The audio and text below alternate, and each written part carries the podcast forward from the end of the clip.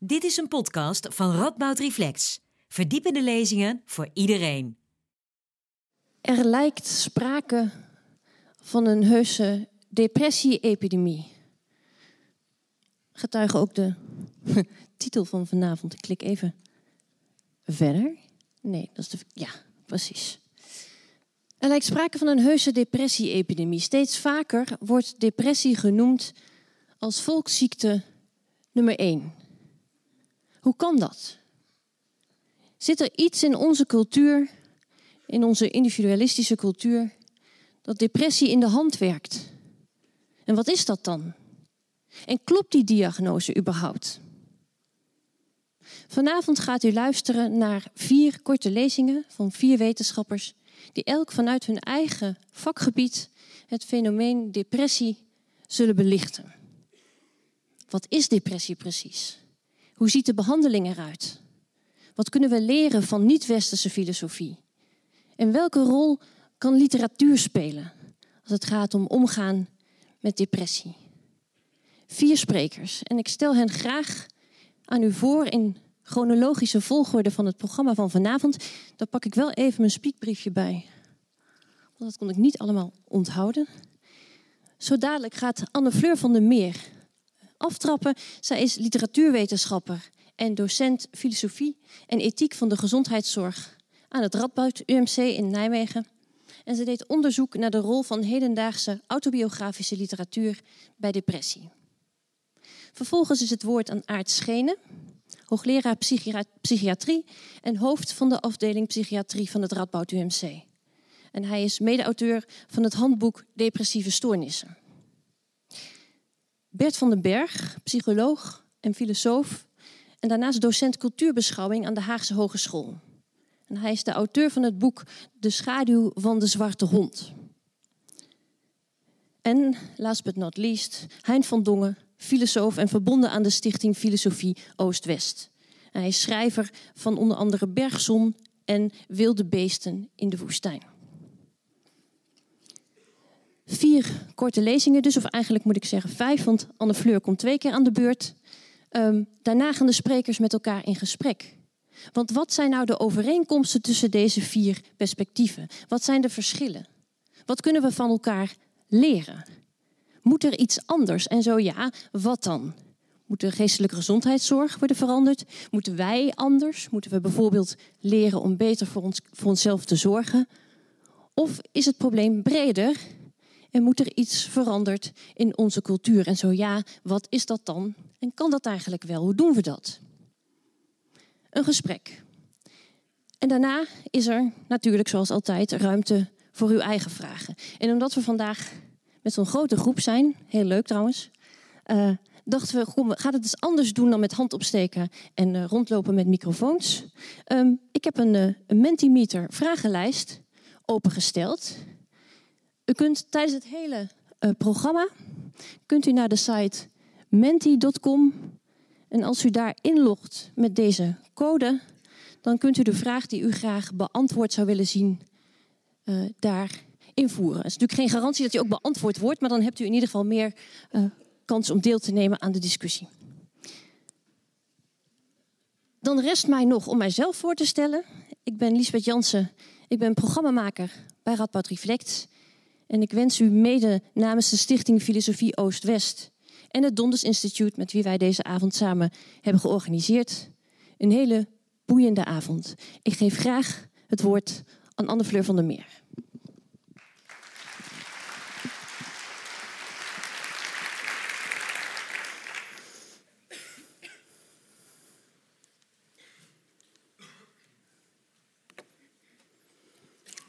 Goedenavond, dames en heren. Fijn dat ik vanavond het literatuurwetenschappelijke en literaire perspectief op depressie mag vertegenwoordigen. In 2018 ben ik gepromoveerd op een letterkundig en, uh, en ook cultuurwetenschappelijk proefschrift over de taal van depressie. Ik keek hoe depressie is voorgesteld in wetenschappelijke literatuur, in zelfhulpliteratuur en in autobiografische literatuur. Dus teksten die mensen over hun eigen ervaringen met depressie hebben geschreven. vooral over deze laatste groep, dus de autobiografische boeken, wil ik het vanavond eh, met u hebben. Daarvan wil ik vanavond wat dingen laten zien. Het is een uh, ongelooflijk populair genre. Vooral sinds de jaren negentig van de vorige eeuw worden er ontzettend veel autobiografische verhalen over depressie gepubliceerd. Niet alleen in Nederland, um, ook daarbuiten. U ziet hier geprojecteerd eh, slechts een selectie van de enorme hoeveelheid verhalen die mensen over hun eigen ervaringen hebben geschreven. En um, die teksten zijn heel veel verkocht, uh, heel veel gelezen, heel veel besproken in de media. Um, vaak aangeraden door gezondheidswebsites. Um, zo van uh, lees deze autobiografie dan weet u uh, wat het is om aan depressie te lijden of lees deze autobiografie. Dan kunt u nogal eens zien hoe u van uw depressie kunt genezen. Dus er wordt nogal veel waarde aan die teksten toegekend. Mijn doel van vanavond is eigenlijk tweeledig. Ik wil met u twee fragmenten bespreken. Um, het eerste fragment nu en het tweede fragment wat later in het programma. Ik wil aan de hand van die fragmenten iets zeggen over de aard van deze autobiografische literatuur. Dus wat lezen we nou eigenlijk in deze teksten en ook uh, hoe um, wordt de taal in deze teksten nou gebruikt? En in de tweede plaats ook wil ik graag iets zeggen over wat ik denk dat een belangrijke uh, functie of wat belangrijke functies van deze teksten kunnen zijn. Dus dat is wat hebben we nou eigenlijk aan deze autobiografieën. Ik begin met een fragment uit een um, beroemd boek mag ik wel zeggen, de autobiografie Pil van Mike Baudet. In 2010 verscheen dat boek. Dat werd een ware bestseller. Ehm, en ik wil graag een fragment uit deze autobiografie uh, bespreken. We treffen um, in het fragment dat ik ga bespreken, treffen we Mike Baudet, of liever gezegd de ik-figuur uit uh, dit verhaal, treffen we aan in een moment van uiterste wanhoop, een moment van diepe uh, crisis eigenlijk. Dat, dat fragment wil ik graag uh, met u bespreken. Dus ik lees het eerst voor en daarna zal ik er wat elementen uit die tekst halen. Ik sleep me voort. Even stilstaan. Nee is niks. Moet verder. Kan niet. Moet. Wil niet. Moet. Ik moet echt. Want dan gaat het misschien straks iets beter. Plotseling sta ik stil. Ik wil niet meer. Ik wil niet meer. Ik wil niet meer. Ik wil niet meer. Ik wil niet meer. Ik wil niet meer. Ik wil niet meer. Ik wil niet meer. Ik wil echt niet meer. De wind waait door me heen. De vogels kwetteren door me heen. Het felle zonlicht schijnt door me heen. Ik lijk wel vliesdun. Ik heb geen verweer meer. Ik geef me over. Als er nu niets drastisch gebeurt, dan doe ik het. Dan spring ik in de Kralingse plas en laat me gewoon zinken. Of ik wacht tot ik onderkoeld ben en indut. Ik kan niet meer. Je moet. Ik kan niet meer. Je moet. Ik kan niet meer. Je moet. Enzovoort. En zo zie je steeds meer dat de taal, dat de zinnen beginnen te haperen. Dat de taal hortend en stotend verder gaat tot op het moment dat er eigenlijk nog maar heel weinig van overblijft. Wat zien we hier nu? We zien een fragment waarin een ik zijn lijden uitdrukt. Wat gebeurt hier nou? Wat is hier het effect van? Daar wil ik iets over zeggen. Wat is het effect van de manier waarop de taal gebruikt is? Een belangrijke term die wat mij betreft bij dit fragment hoort, is nabijheid. Een gevoel van nabijheid. U heeft dat wellicht ervaren toen ik het fragment voorlas of toen u het zelf las. We zijn vlakbij Baudet. We hebben de indruk dat we heel dicht bij hem kunnen zijn. We kennen hem niet persoonlijk. We hebben misschien wel eens gehoord of iets van hem gezien. Maar we kunnen hem hier, lijkt wel, heel dicht naderen. Daar in dat verre Rotterdam aan de Kralingse Plas. We zien hem bijna staan. Hoe komt dat nou? Hoe komt dat dat we zo dicht bij Mike eh, Baudet gekomen zijn? Dat komt omdat we in de eerste, dat heeft te maken met een aantal strategieën in de taal. Dat komt omdat we een vertelling zien waarin we de gedachten en de gevoelens en de handelingen van uh, Michael Day hier, van de ik-figuur hier, heel minutieus kunnen volgen. Seconde voor seconde ervaren we eigenlijk bijna wat uh, Michael Day ervaart. Je zou kunnen zeggen, een vertelling in de verleden tijd zou afstand scheppen Zo stond ik sleepte me voort, voort bijvoorbeeld. Dat zou heel anders zijn dan nu. Dit is een fragment in de tegenwoordige tijd, alsof het nu gebeurt. Ik sleep me voort, ik moet even stilstaan. Eigenlijk een soort directe stroom in, in heel staccato zinnen. Alsof hij er weer staat en ook alsof wij en hij ook niet weten hoe het afloopt. Je zit echt helemaal in het nu. Je kan zeggen het voelen en het vertellen gebeurt tegelijkertijd. Um, dat heeft in de literatuurwetenschap een naam, of in de uh, letterkunde, verhaalanalyse een naam. Dat noemen we de narration simultanee, het simultaan vertellen. Het idee dus dat vertellen en ervaren tegelijkertijd gebeurt, alsof er geen afstand tussen zit. Je ziet ook eigenlijk gedachtenrepresentatie, tweede belangrijke strategie. Een soort stream of consciousness. Zo soort transparant tot op het bot. Zoals hij zelf eigenlijk zegt, vliesdun. Nou, wat zien we nog meer in dit fragment? Er is natuurlijk nog wel meer aan te zien. We zien een ik dat heel geïsoleerd is. Het moment van lijden dat heeft alles met isolement te maken, met alleen zijn, met afzondering. Dat zie je alleen al aan de herhaling van de enorme hoeveelheid ikken. Volgens mij zijn het er 24 die vaak ook nog, 24 ikken, die vaak ook nog op een prominente eerste plek in de zin staan. Dus je treft hem eigenlijk in heel grote eenzaamheid. En de enige dialoog die hij voert, is die met zichzelf, zou je kunnen zeggen, aan het eind van het fragment. Een dialoog met een stem in zijn hoofd of iemand die hem nog een soort tot de orde roept. En zelfs die dialoog verstomt uiteindelijk. Wat je verder nog ziet, is het gebruik van spreektaal. Even kijken. Ja, even stilstaan, wil niet, kan niet, moet enzovoort.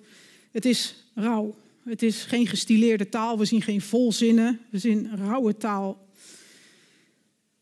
De spellingscontrole zou ook uh, rood uitslaan, denk ik zo. Um, dat draagt ook bij aan het idee dat je heel dichtbij iemand kan komen. Een soort onverbloemd, dus niet gestileerd. Dat is ook een belangrijk element. En tenslotte, um, dat is natuurlijk wat meteen opvalt als je het fragment alleen al ziet. Dat zijn die eh, zinnen helemaal aan het slot van het fragment. De zinnen brokkelen af.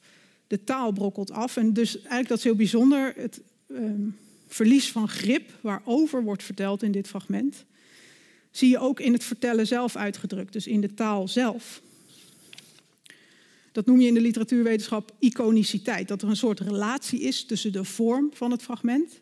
Is de taal, en de inhoud ervan. En hier, eh, belangrijker dan hoe dat precies heet, is het effect ervan. Je ziet hier namelijk dat je als lezer eh, dat verlies van grip waar het hier over gaat, bijna zelf gaat ervaren in het lezen. Probeer het maar eens hardop te lezen. Het is u waarschijnlijk opgevallen, ik heb de laatste zinnen ook niet hardop voorgelezen. Ik heb wel een paar keer gedaan, maar dat klinkt nergens naar. Ik dacht, dat doe ik niet.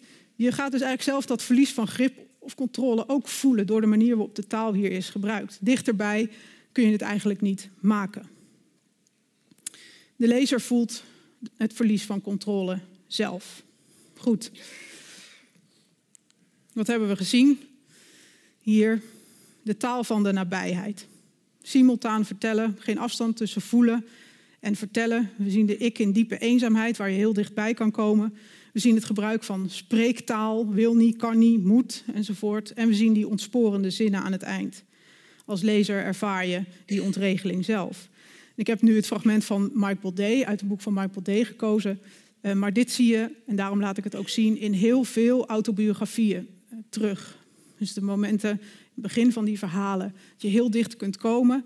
Het idee hebt dat je heel dicht kunt komen bij het lijden, dat rauwe, pure lijden in eenzaamheid en isolement. En ik denk dat autobiografische literatuur uh, voor een belangrijk deel zo populair is of zoveel gelezen wordt, omdat je het idee hebt dat je heel dicht kunt komen bij die rauwe ervaringen. En dat het dus in staat is om via de taal, het dus in staat is om de taal zo te gebruiken dat je dicht bij die ervaringen van depressie kunt komen. Dat je iets, iets van een idee krijgt over hoe het is om depressief te zijn. En daar is natuurlijk in de cultuur op dit moment in de samenleving veel behoefte aan. Er wordt vaak gezegd, op depressie rust een taboe. Um, Mensen praten er niet over, wat dan weer in contrast staat natuurlijk met de enorme hoeveelheid tekst en publicaties die er ondertussen wel over verschijnen. Daar zullen we het vast straks nog even over hebben. Maar het idee van dat depressie iets is wat verhuld wordt, verborgen blijft, um, daarvan dat verhullen wordt hier iets opgeheven, alsof er hier iets toegankelijk wordt. Je zou kunnen zeggen dat taal een soort de ervaringswereld toegankelijk maakt. Of in ieder geval de indruk wekt dat te doen. En dat is een van de functies van autobiografische literatuur. Zometeen meer. Dank u wel.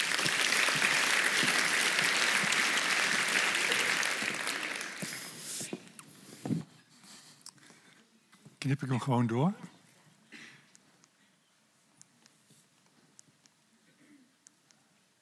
Ja, goed. Ik heb mijn praatje ook maar een uh, titel gegeven, maar het is misschien ook wel meteen een boodschap. Ik wil u eigenlijk vooral proberen in een kwartiertje duidelijk te maken dat depressie, waar vaak over gesproken wordt, alsof het een duidelijk, eenduidig begrip is, vooral een uiterst heterogene aandoening is. Ik zal iets vertellen over de symptomen, de kenmerken, een paar cijfers over depressie, misschien iets eventjes over hoe we denken dat depressie ontstaat. Kleine touch over de vraag hoe de hersenen daar nou wel of niet bij betrokken zijn. En dan een aantal eh, opmerkingen over hoe het tegenwoordig behandeld wordt. Om maar even te starten met wat verstaan we nou in de geestelijke gezondheidszorg onder depressie. Nou, de kern van dat depressiebegrip is vooral de verlaagde stemming, dus de aangetaste stemming, maar ook vooral het geplaagde zelfgevoel en een toegenomen zelfkritiek. Kortom, dit gaat echt over het zelfbeeld van mensen. Tweede belangrijk kenmerk is dat de interesse verminderd is in vergelijking met een periode daarvoor. Maar ook dat iemand minder motivatie heeft, minder drive. En dat gaat gepaard met vermoeidheid, dus een meer energetische component. Sterk kenmerkend is ook dat zeg maar, de cognitieve vaardigheden van iemand worden aangedaan. Concentratie vermindert. Nou, als concentratie vermindert, vermindert de geheugencapaciteit. En er ontstaat een soort piekeren en besluiteloosheid. Dus dat zijn cognitieve kenmerken. Wat anders, ja, Pieter, is dat er heel veel patiënten last hebben van eetproblemen, zowel te veel eten, te weinig eten, gewichtsveranderingen. En dat bijna altijd ook de slaap eh, gestoord is geraakt. En daar heb je allerlei verschillende ernstgraden in, maar ik noem dat toch even de vitale kant. Dan een kant die vaak wat minder bekend is, maar veel patiënten die voelen onder, onder eh, zeg maar, de somberheid een prikkelbaarheid en een angstige kant, een paniekerige kant, maar ook een vijandige kant ten aanzien van anderen. En ik noem dat eigenlijk de interpersoonlijke kant. Beperkingen in het functioneren gaan naarmate een depressie wat langer duurt een rol spelen. Eigenlijk op alle functionele gebieden, maar vooral ook in relaties, werk en sociaal. En een laatste brokje wou ik maar noemen gevaar. Want dat is eigenlijk als de suicidaliteit, die er misschien vaak aanwezig is, ook gevaarlijk wordt. Mensen ook psychotische verschijnselen krijgen en zich gaan zelf verwaarlozen tot niet meer eten en drinken. Depressie voor alle duidelijkheid, is niet gebonden aan sociale klasses of aan intelligentie. Ik heb hier een aantal mensen die u waarschijnlijk voor een deel herkent. Ik ga niet bij stilstaan. Alle mensen die eigenlijk in hun leven stevig lastig gevallen zijn door depressies. En sommigen, daar is het zoals u ziet niet goed mee afgelopen. Even wat naar wat feiten. Hoe vaak komt het nou voor? Prevalentie betekent hoe vaak komt het voor in de bevolking? Nou, per jaar leidt in Nederland ongeveer 3 tot 5 procent van de mensen aan een depressie. Dat is dus ongeveer 1 op de 20. Vertaal je het naar het leven, gedurende het leven, dan worden cijfers gevonden van 16 tot 19. Zeg grofweg 1 op de 5 of 1 op de 6 mensen maakt een depressie mee. Kortom, niet in de verste vette iedereen dus, laat ik dat meteen maar duidelijk stellen. Hoe is het met de man-vrouw verhouding? Nou, interessant, er is een klein verschil. Voor het 15e levensjaar is het gelijke seksverdeling. En naarmate dus de hormonen een rol gaan spelen, gaat de verschuiving iets meer naar een dominantie van vrouwen. 1 op 1,8 in Nederland, soms 1 op 2. Waarmee dat precies te maken heeft, maar mogelijkwijs dus wel met rolveranderingen, maar ook met hormonale veranderingen. Um, in ieder geval is het belangrijk om te weten dat het niet meer gelijk verdeeld is over de seksen. Iets over de ernst, want ik denk dat dat relevant is om dat onderscheid te maken. Nederlandse cijfers over een groot bevolkingsonderzoek geeft een soort verdeling over mild, matiger, ernstig en zeer ernstig. En je zou kunnen zeggen dat de eerste twee categorieën samen is ongeveer de helft. En de laatste twee categorieën samen is ongeveer de helft. Maar u ziet dat er een soort Gaussische verdeling over is. Bepaalt een brede verdeling qua ernstgraad. Wanneer begint het? Nou, het kan op alle leeftijden beginnen, dus ook bij kinderen is wel wat zeldzamer, maar ook dat op die leeftijd. En het komt tot in de hoge ouderdom voor. De mediane leeftijd waarop het ontstaat, en dat betekent dus dat op die leeftijd ongeveer de helft van de gevallen is eh, ontstaan, is ongeveer 25, 26 jaar. Dus de helft van de mensen heeft het voor het 25ste levensjaar. Als je het even afzet tegen het totaal aantal psychiatrische aandoeningen, en dan heb ik weer opnieuw die lifetime prevalentie genoemd. Dus dat is het aantal mensen wat gedurende hun leven een aandoening krijgt. Dan ziet u een zekere opbouw. Er zijn aandoeningen in de psychiatrie die komen bij minder dan 1% van de bevolking voor. Schizofrenie, anorexia nervosa. Dan hebben we een categorie, ik heb de indeling zelf bedacht, maar uh, zeg maar 1 tot 10 procent. Um, daar kom je tegen bijvoorbeeld de bipolaire stoornis, ADHD, persoonlijkheidsstoornis. En dan hebben een categorie, dat noemen we de common mental disorders. Die komen relatief veel voor, 10 tot 20 procent. En daar zit alcohol, angst en depressie in. En depressie komt dus binnen de psychiatrische stoornissen relatief veel voor. Desalniettemin toch niet meer dan 1 op de 5 mensen. Hoe lang duurt het? Ook wel goed om even bij stil te staan. En u ziet eigenlijk dat daar ook een redelijk grote verdeling is. De helft van de depressies is achter de rug binnen drie maanden. Dat zijn cijfers binnen de algemene bevolking. Je zou kunnen ook zeggen, de eerste twee categorieën, dus binnen een half jaar, is ongeveer twee derde achter de rug. En als je de eerste drie categorieën binnen een jaar, dan zitten we toch al redelijk in de buurt van nou, zeg maar 80 procent. U ziet aan de andere kant ook dat er 20 procent is, dat duurt langer dan twee jaar. En dan hebben we het toch echt over een lange periode aan geschakeld depressief zijn. Want als je een langere periode even, zeg maar, een paar aantal weken niet depressief bent, worden het twee verschillende episodes. dus het is lange duur. Dat betekent een vrij grote spreiding van een relatief wat onschuldig beeld van een paar maanden tot een vrij ernstig beeld van meer dan twee jaar. Zeg je dat even in andere bewoording, dan kan je ook zeggen, als je een grote groep mensen met depressie neemt, na één jaar is 70% hersteld, na twee jaar 80%, na vijf jaar 88% en na tien jaar 93%. Kan u zich misschien voorstellen hoe het is om vijf jaar depressief te zijn of tien jaar? Dat zijn wel de ernstigere gevallen, maar het lijkt toch nog steeds weer een klein sprankeltje hoop dat het herstelt. Belangrijk te realiseren is dat depressie nogal eens terugkomt maar lang niet bij iedereen. Bijvoorbeeld, als iemand zijn eerste depressie heeft, laten we maar eens zeggen op die 25 jaar, dan zal voor de helft, bij de helft van die mensen de depressie gaan terugkomen en bij de andere helft niet. Dus daar blijft het bij één depressie. Heb je eenmaal een eerste depressie gehad en je hebt een tweede depressie gehad, dan is de kans dat het terugkomt 70%. Dus die stijgt. En naar de 30% is de kans 90%. Wat is daar dan de conclusie? Naarmate de depressie vaker voorkomt, wordt de kans steeds groter dat het terugkomt. Nou, daar zijn allerlei theorieën over hoe dat in elkaar zit, ga ik nu niet op in. Maar er lijkt dat er toch een bepaald soort beschadiging optreedt. En of het nou biologisch is of meer sociaal, of een combinatie, laten we even in het midden. Maar de kans is, naarmate de tijd vordert, neemt toe. En van de mensen die recidivering hebben, die zullen ongeveer zes tot zeven depressies in hun leven gaan meemaken kan ik u een beetje proberen uit te leggen hoe depressie ontstaat. Dat is moeilijk. Maar laten we het simpel proberen te houden. Als we hier aan deze kant een pijl trekken van 0 tot hier ongeveer zeg maar 40, 50. Wat draagt er dan bij aan het ontstaan van depressie? Nou, genetische aanleg, de erfelijke kant, ongeveer 40% verklaring.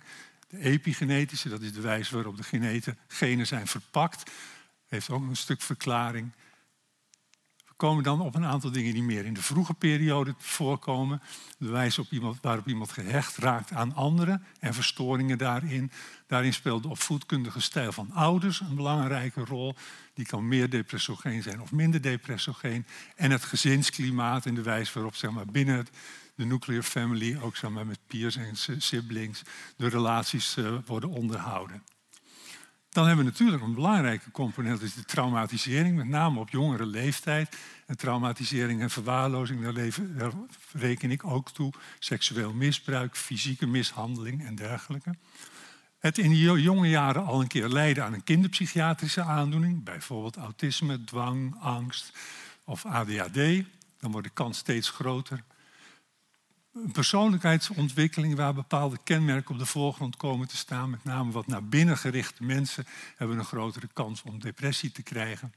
En dan gedurende de volwassenheid ook andere psychiatrische volwassen aandoeningen, maar met name ook verslavingsproblematiek predisponeert om depressie te krijgen. En tenslotte zijn natuurlijk vooral de recentere negatieve, impactvolle levensgebeurtenissen. Nou, even naar de neurobiologie. Is het nu zo dat de hersenen daarbij een rol spelen? Ik wil daar eigenlijk drie korte uh, vignetjes met u doorlopen. U hoort heel vaak dat er iets met neurotransmitters aan de hand is. Nou, inderdaad, bij onderzoek bij mensen met depressie is er een verstoring in die zogenaamde neurotransmittersystemen. En neurotransmittersystemen, ik weet niet, er komt helemaal geen pointer, hè? Doet hij dat niet? Nee. Nou, neurotransmitters, heel misschien even kort. De bovenste, dat is een, een, neuron, dat is een cel. Aan de andere kant heb je ook een neuron. En die signalen met elkaar via stofjes die, die ze heen en weer zenden. Dat zijn neurotransmitters. En in de evenwichten van die neurotransmitters, daar worden inderdaad verstoringen gevonden. Nou, waar leidt dat toe of waar hangt dat mee samen? Dat de regulatie van emoties verstoord kan raken, verandert. Dat de stressregulatie verandert dat het beloningssysteem, dus het gevoel wat je bij jezelf kan creëren door bepaalde dingen te doen of niet te doen, en daarvoor een soort beloning te ervaren in de zin van aardigheid en je plezierig voelen, raakt verstoord en de agressieregulatie verandert. Dat zijn samenhangen die met die verstoornis van die neurotransmittersystemen. Dus ja, daar is iets aan de hand. Post of propte, daar ga ik nu even niet op in. Maar er is zeker heel veel verstoringen waargenomen. Er zijn er verstoringen in de hersenschors, dat is de buitenkant van onze hersenen, waarbij met name de frontale kant, dus het deel hier aan de voorkant, minder goed in staat is om te controleren, ook omdat het dunner is bij mensen met depressie. Dat leidt tot concentratieveranderingen, piekeren, maar door blijven gaan. En het meer genereren van negatieve informatie en het minder genereren van positieve informatie in het brein. En als laatste, en dat is meer de moderne variant, dat er ook verstoornissen zijn in de banen tussen die verschillende hersenplaatsen, waardoor de angstregulatie verandert, slaap-waakritmes verstoord raken, activiteitspatroon, emotieregulatie. En als ik het kort voor u samenvat, dan ziet u dat er eigenlijk in dat hele brein op allerlei plaatsen afwijkingen worden gevonden, die ook samenhangen met allerlei symptomen van die depressie. De behandeling, nou, dat probeer ik ook voor u in één diaatje samen te vatten. De quintessentie daarvan is dat er een stepped care principe in zit. En dat heeft te maken met dat je eigenlijk lichte depressies hebt en hele zware depressies. Nou, we starten op de onderste treden. Dan heb je eigenlijk activiteiten die vooral bij de huisarts thuis horen.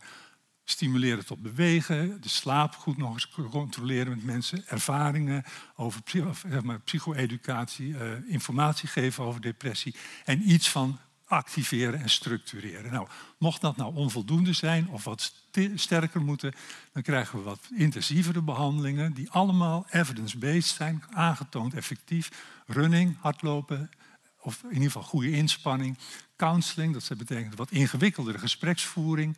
Het goed lezen over uh, depressie en dat ook eventueel met een behandelaar doornemen. Systeembenaderingen, dus zeg maar binnen de, binnen de uh, de eigen familie of het gezin of de partnerrelatie aandacht aan besteden en het probleem oplossend vermogen.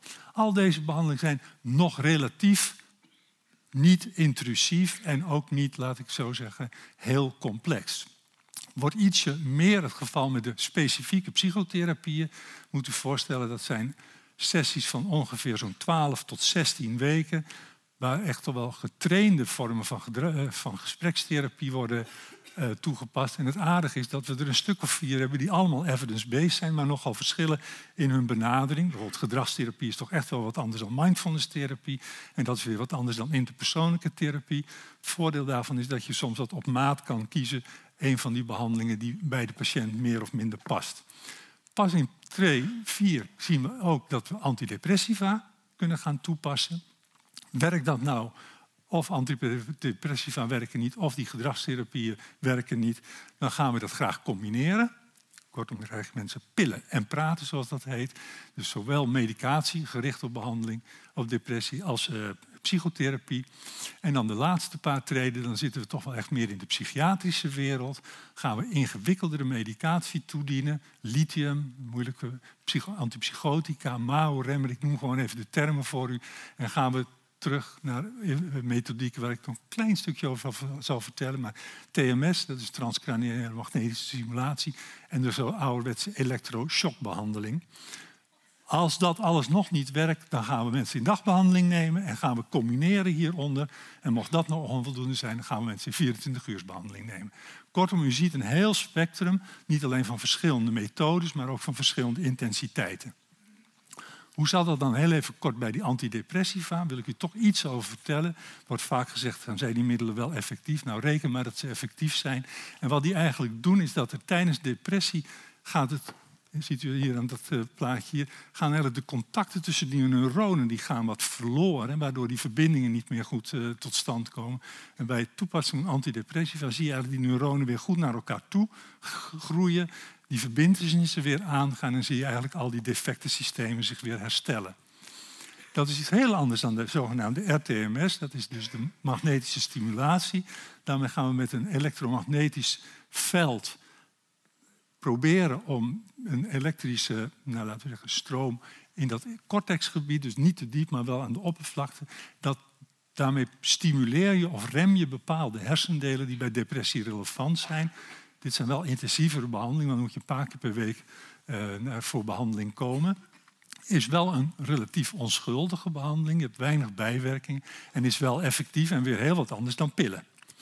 Nou, dan misschien toch altijd maar even voor de nieuwsgierigen. Wat is elektroconvulsietherapie nou precies? Mensen die echt in de ernstige groep vallen, dan hebben we het ongeveer over 1% van alle mensen met depressie en nergens op reageren, krijgen elektroshockbehandeling of elektroconvulsietherapie. Dan ga je op twee plekken in het, uh, op het hoofd, of op die twee plekken of op die twee plekken, zet je twee elektroden wordt een korte schok toegediend. Als gevolg daarvan ontstaat een epileptisch insult. En als gevolg van het epileptische insult treedt herstel van depressie op. Gaan we niet vragen hoe het werkt, dat kan ik u uitleggen, maar daar hebben we nog een uurtje nodig, dus dat gaan we nu niet doen. Het interessante is dat als niets meer werkt en je dit toepast, dat je toch nog weer een slaagpercentage hebt van zo'n 60 tot 80, 50 tot 60 procent. En dat is vrij aanzienlijk. Ik wilde eigenlijk afronden met uh, de vraag was, kan je er nou ook zelf wat aan doen? Nou, we hebben zelf uh, vrij groot onderzoek gedaan naar zelfmanagement. We hebben eerst geïnventariseerd bij depressiepatiënten en bij literatuur. Wat kunnen mensen zelf doen? Daar hebben we weer een vragenlijst van gemaakt. Die hebben we weer bij 200 mensen afgenomen. En ik wou u gewoon even meegeven wat mensen nou aangeven als de 15 meest gebruikte strategieën om te herstellen van depressie. Kortom, we hebben mensen gevraagd die de afgelopen drie jaar een depressie hebben gehad en daarvan hersteld waren. Wat heeft je nou geholpen? Ik ga dat niet per stuk, maar ik geef u even toch een indruk wat mensen dan noemen als de 15 belangrijkste. En we hadden er 50. Eén, het accepteren dat depressie een ziekte is. Moet u maar over nadenken. Dat is heel lang gesproken. Moet je dat depressie wel een ziekte noemen? En is dat niet een slecht idee? Patiënten vinden, die hersteld zijn, vinden dat een goed idee om het een ziekte te noemen. En vervolgens over die ziekte informatie te gaan opzoeken.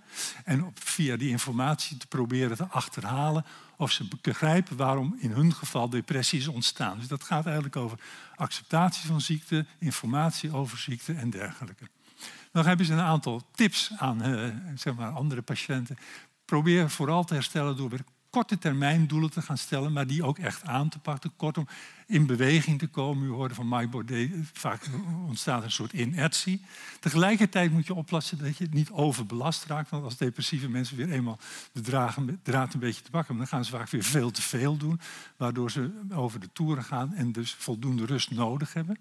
Concentratieproblemen proberen iets aan te doen, want anders raak je de regie kwijt. Maar dat werd getipt in de to-do-lijstjes. En dat hebben 80% van dit zijn allemaal uh, criteria die 80% van de mensen werkzaam vonden.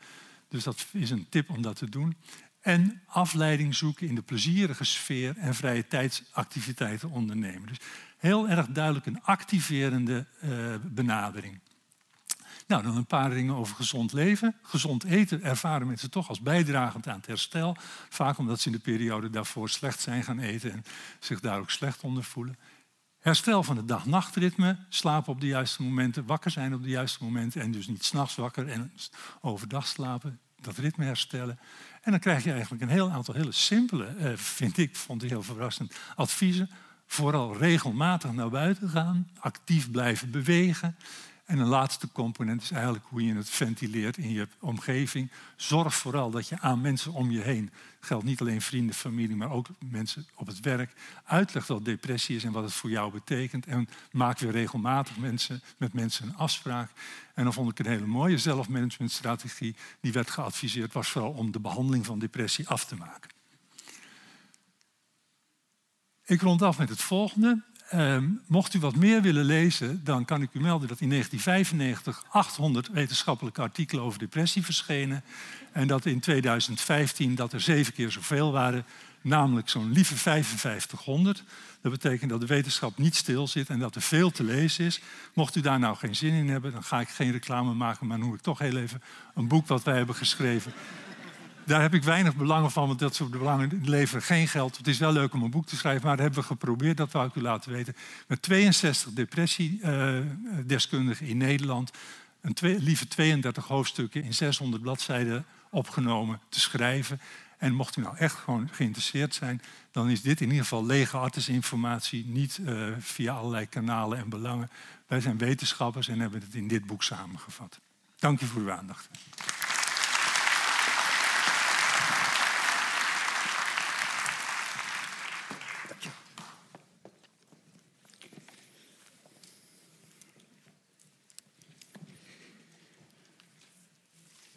Ja, vandaag. Oh, even doorklikken. Vandaag is het Blue Monday.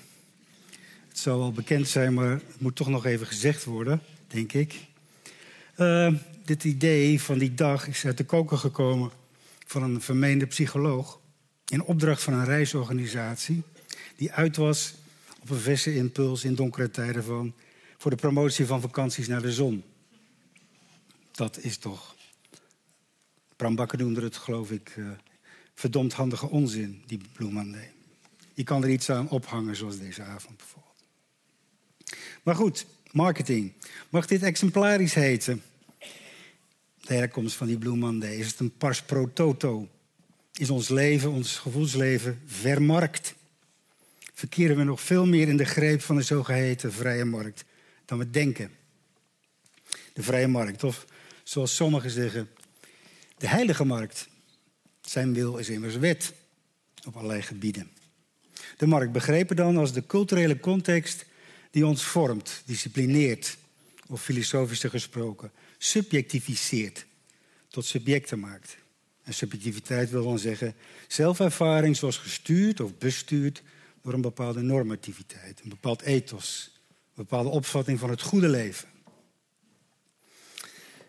Goed, mijn kernvraag in dit verband luidt dan: is het tegenwoordig dominerende ethos, dat ons op allerlei manieren vormt of stuurt, wellicht depressogeen? Brengt het ons dichter bij datgene wat wij depressieve stoornis noemen? Of in het Engels Major Depressive Disorder.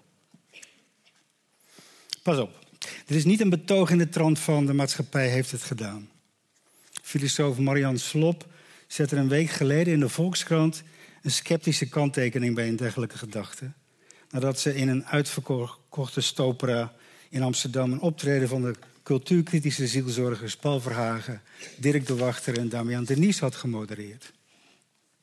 De maatschappij de schuld geven, de maatschappij, dat zijn wij. Wat is hiermee gezegd?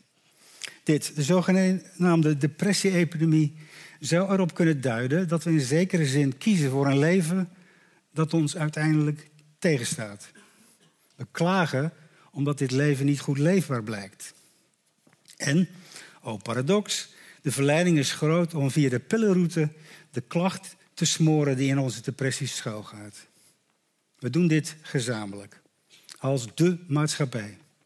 Die komt niet van buiten, maar zit evenzeer van binnen. En nogmaals is het oppassen. Depressie als psychiatrisch begrip is van relatief recente datum. Het is een vrucht van de 19e eeuw. Aan het begin ervan werd een moderne psychiatrie geboren. Dat wil zeggen de zielsgeneeskunde als zelfstandige discipline. Aan het eind van die eeuw brengt de Duitse psychiater Emil Krepelin dit geesteskind tot volwassenheid. In een psychiatrisch systeem dat vandaag de grondslag vormt van het biomedische GGZ-regime. Rond 1900 staan Emil Krepelin en Sigmund Freud als antipoden tegenover elkaar. Biopsychiatrie en psychoanalyse. Twee mogelijke perspectieven op geestelijke gezondheid en geestesziekte. In de loop van de 20e eeuw gaan deze perspectieven met elkaar in de clinch. Rond het jaar 2000 begint duidelijk te worden dat het biomedische model de psychodynamische benadering heeft verdrongen of verpletterd.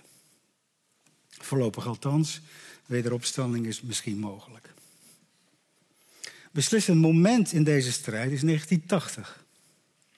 Het moment van publicatie van DSM-3. DSM, Diagnostic and Statistical Manual of Mental Disorders.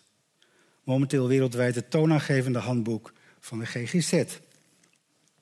In de derde editie van 1980 wordt de psychodynamische invalshoek van DSM 1 en 2 verlaten. De makers keren Freud de rug toe en wenden zich tot Krepelin. Hij noemt deze wending daarom wel de neo-Krepeliniaanse revolutie. De weinig populaire DSM-2 transformeert tot DSM-3 en verovert vervolgens de wereld. Het biomedische model gaat heersen.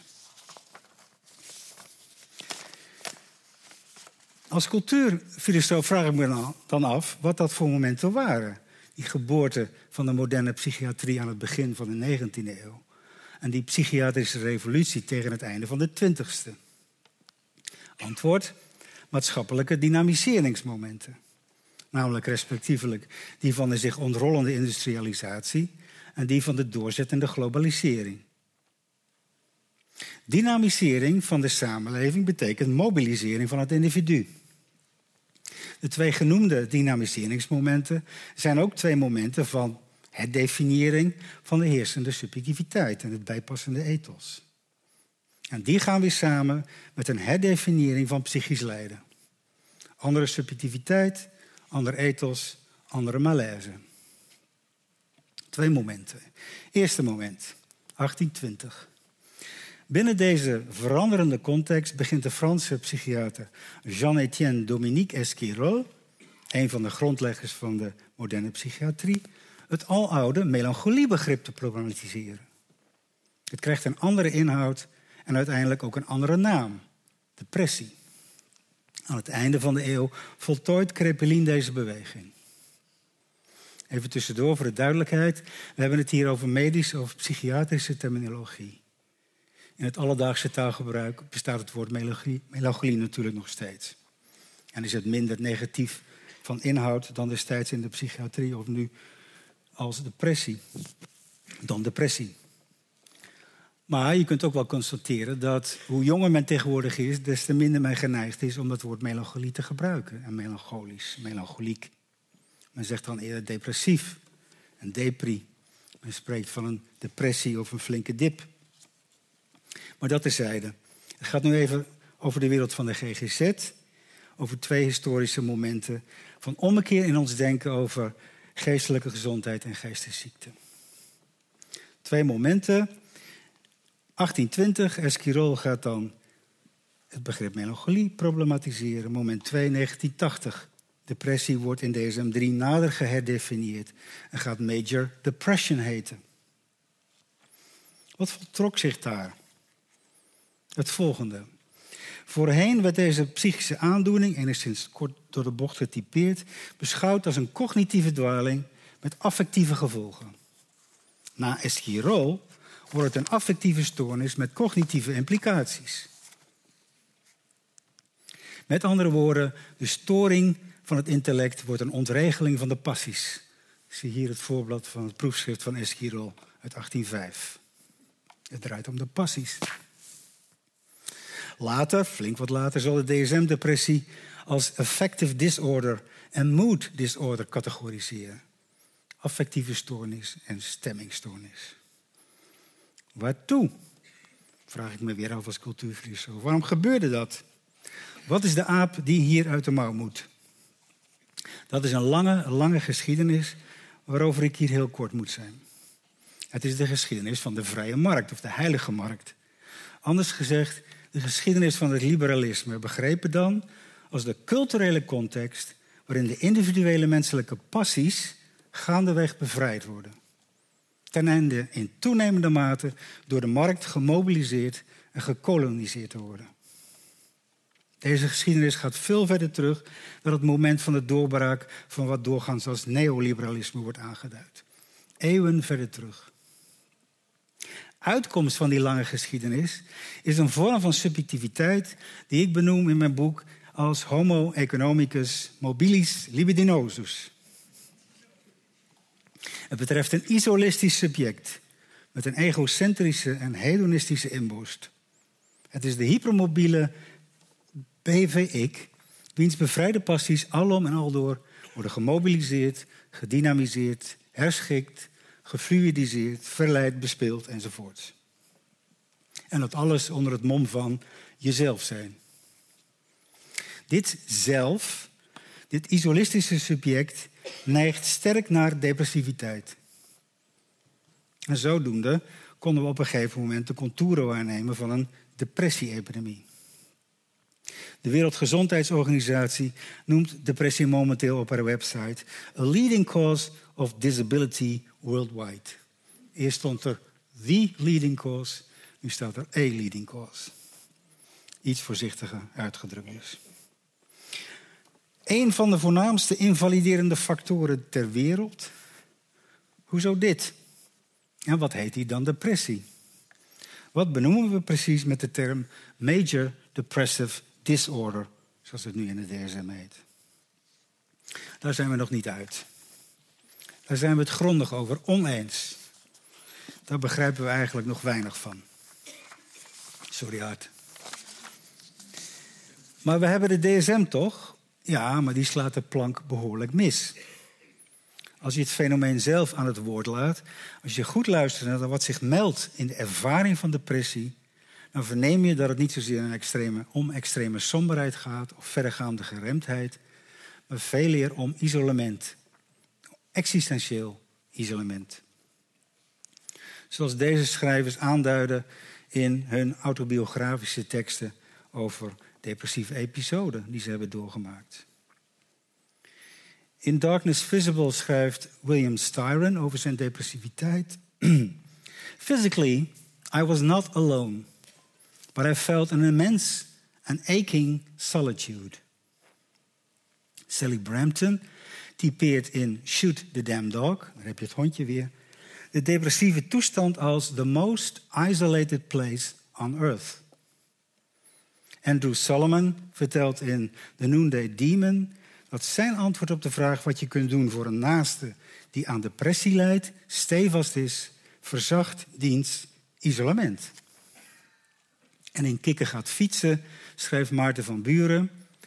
Blijkbaar tast de depressie vooral mijn communicatieve en sociale vermogens aan. Of liever, de depressie perverteert ze van iets beschermends tot iets bedreigends. Deze en twee andere wezenstrekken van depressiviteit ontbreken in de DSM. Existentieel isolement, ontregelde tijdsbeleving en verstoorde lijfelijkheid. De gedeprimeerde is als het ware opgesloten in het eigen lijf. Alles vertraagt. De toekomst is afgesloten, het verleden een doem, het heden een zwart gat. De openheid naar de wereld, naar de andere en naar zichzelf is dichtgegaan. Men staat alleen, te midden van alles. Men staat ernaast. Men is nergens meer. Waarom lezen we dat niet of niet duidelijk in de DSM? Omdat deze GGZ-bijbel het handboek is van een samenleving met een isolistische grondslag. Het betreft haar blinde vlek. En nogmaals, die samenleving, dat zijn wij. Wij opteren gezamenlijk voor de homo economicus mobilis libidinosus. We worden er massaal depressief van en we negeren vervolgens wat zich in die depressie tracht te melden. Wat erin naar voren komt als fundamenteel gemis. Zo denkend kan datgene wat affective disorder heet, begrepen worden als keerzijde van vermarkte affectiviteit. Of vermarkte passies van datgene wat onze liberale cultuur van de heilige markt uh, beoogt. Affective disorder, oftewel mood disorder. Welaan, ik zeg u, de stemmingstoornis is in de grond een afstemmingstoornis. Stemming is afstemming. Het is geen interne toestand, maar een relationeel gebeuren. Op een heel elementair niveau. En op dat elementaire niveau gaat het massaal mis. De homo resonans probeert een homo economicus mobilis libidinosus te zijn en loopt daar veelvuldig in vast. Gevolg? Een depressie-epidemie. Onder meer. Daarmee geconfronteerd kunnen we twee dingen doen. Eén, de BVIC empoweren, het isolistische, het isolistische subject remobiliseren en dan vooruit weer met de geit. Of twee, ons afvragen hoe menselijk de maat is die hier heerst. En vervolgens iets anders proberen. Iets van afstemming en herstemming. Iets van resoneren en ritmeren. Nou ja, wat dat in concreto betekent, zullen we moeten uitvinden en ondervinden. Dat is het.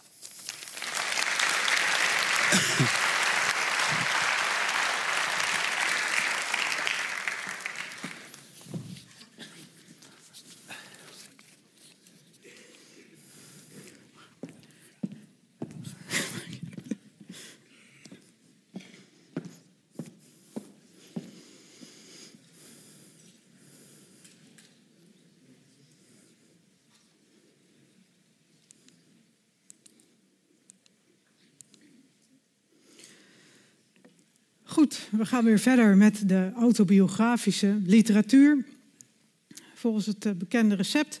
Ik zal ook eerst het fragment voorlezen. Uh, en daarna kijk ik wat er in dat fragment allemaal voor bijzonders in de taal gebeurt. Uh, het volgende fragment dat ik wil lezen is afkomstig uit een Amerikaanse autobiografie. Um, met de bijzondere titel David's Inferno. Over de depressie van uh, de auteur David Blistine. Het is een autobiografie uit 2013.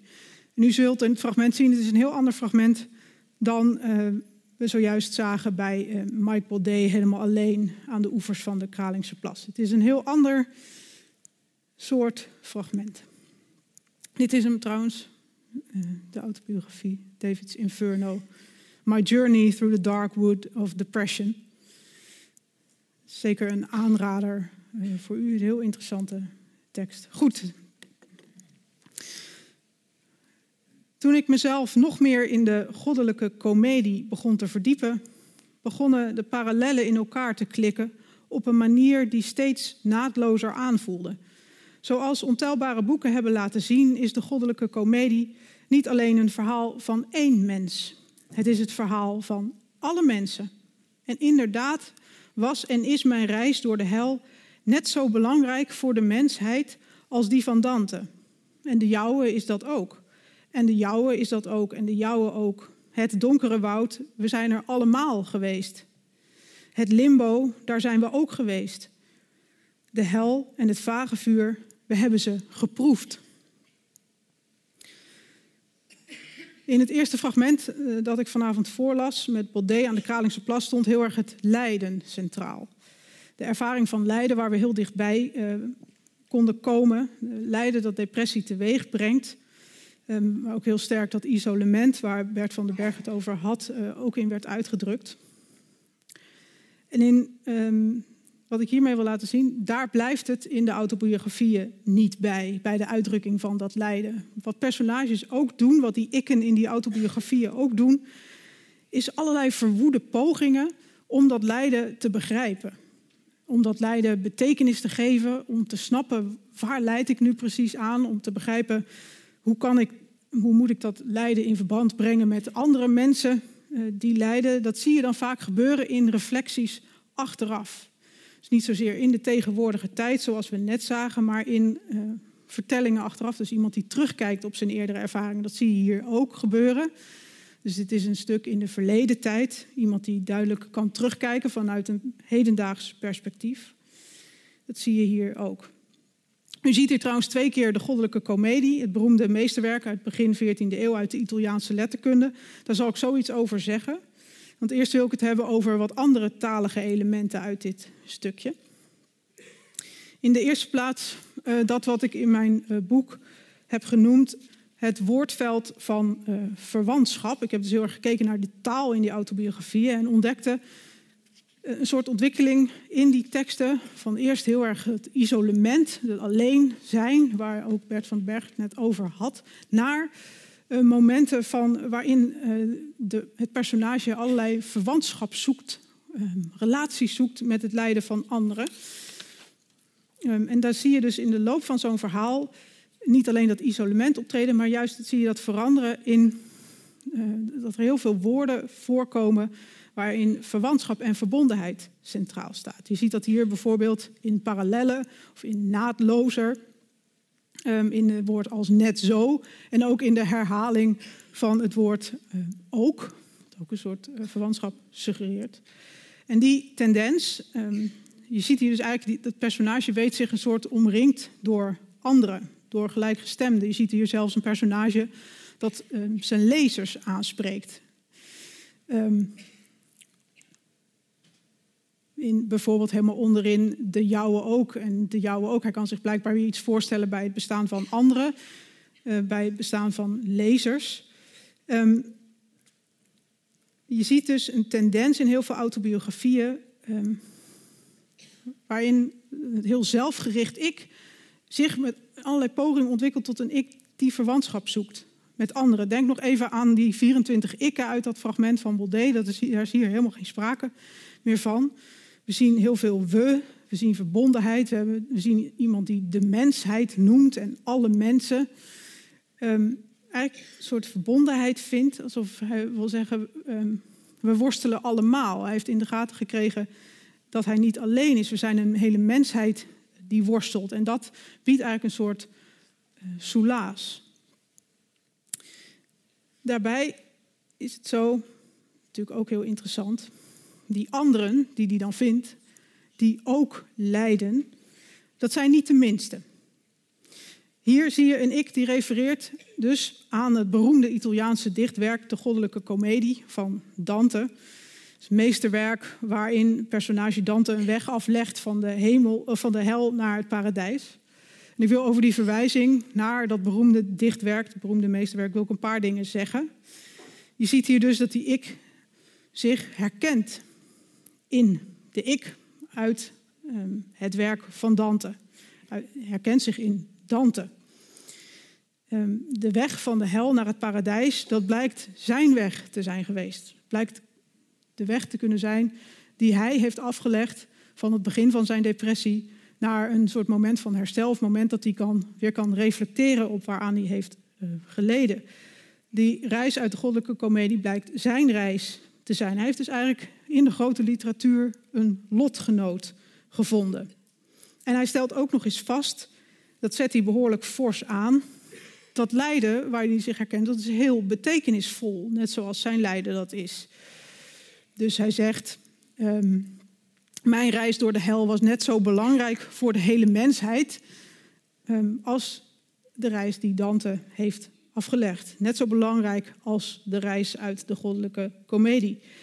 Het is heel duidelijk in deze autobiografie echt een contrast met het begin van het verhaal, waarin allerlei, allerlei passages te vinden zijn, waarin juist die, dat isolement of die eenzaamheid, depressie als, als de meest verlaten plek op aarde is uitgedrukt. En je ziet dat zo iemand, zo'n personage, allerlei pogingen doet om, die, om iets in de plaats te stellen van die eenzaamheid, om contact te zoeken, om lotgenoten te vinden. En dan zie je dus, dat is het tweede wat ik hierover wil zeggen, over die verwijzing naar Dante, dat zo'n 14e eeuwse tekst, dat is best bijzonder, ineens opduikt in zo'n 21e eeuwse autobiografie. Dat is best wel uh, interessant gegeven, zeker voor literatuurwetenschappers die altijd bang zijn van die teksten worden nauwelijks meer gelezen. Nou, wel degelijk, namelijk in ieder geval door deze David Blistien en ook trouwens door heel veel andere schrijvers van autobiografische literatuur, die zich blijkbaar herkennen in die grote literatuur. En dat fenomeen, uh, dat noem je intertextualiteit. Dus de verwijzing van een, de ene literaire tekst, dus hier de autobiografie, naar een andere literaire tekst. En dat verschijnsel, die intertextualiteit, zie je in heel veel autobiografieën terug. Je ziet dat uh, personages zich spiegelen, vertellen zich spiegelen aan prominente personages uit de wereldliteratuur of figuren uit de kunst of de filosofie. We zien bijvoorbeeld heel veel verwijzingen uh, naar Sartre of naar uh, Camus of Goethe, niet de minste. Trouwens, niet alleen naar die grote literatuur, dat gebeurt wel vaak, maar Mike Baudet dat, uh, is een wat ander slag. Dus die verwijst naar bijvoorbeeld de, de Vogelgids. Die komt een ander soort boek tegen. Ehm, niet dat hij zich nou ook meteen heel erg herkent in al die vogeltjes die hij daarin observeert. Maar um, hij heeft ook daar een soort idee van troost in te vinden. De pure een, eenvoud van zo'n vogelgids waarin hij zich dan herkent. Goed, even terug naar de uh, grote literatuur waarnaar verwezen wordt. Het heeft natuurlijk een bepaald effect. In de eerste plaats is depressie niet meer iets wat je alleen hoeft te beleven, wat je in isolement beleeft. Um, maar je weet je omringd door anderen en door niet de minste, door de grote der aarde, om het zo te zeggen. Dan zie je dus ook eigenlijk dat het effect van dat depressie aan het kunstzinnige wordt verbonden. Of het bij uitstek mooie. Um, en ook aan het heel oude. Alsof depressie niet meer iets is dat, dat een soort heel erg in het moment van het nu, uh, het hele particuliere, maar heel erg verbonden is aan iets dat heel erg lang in de geschiedenis bestaat, dat een hele lange traditie heeft. Dus eigenlijk een soort historiseren van dat depressie. Die depressie zie je daar. En tot slot is ook een belangrijk effect van die intertextualiteit. Um, dat is dat er voor depressie woorden gevonden worden. Vaak wordt door depressiepatiënten gezegd: um, dat waaraan ik leid is zo moeilijk in taal te vatten. Er zijn geen woorden te, voor te vinden voor dat waaraan ik leid.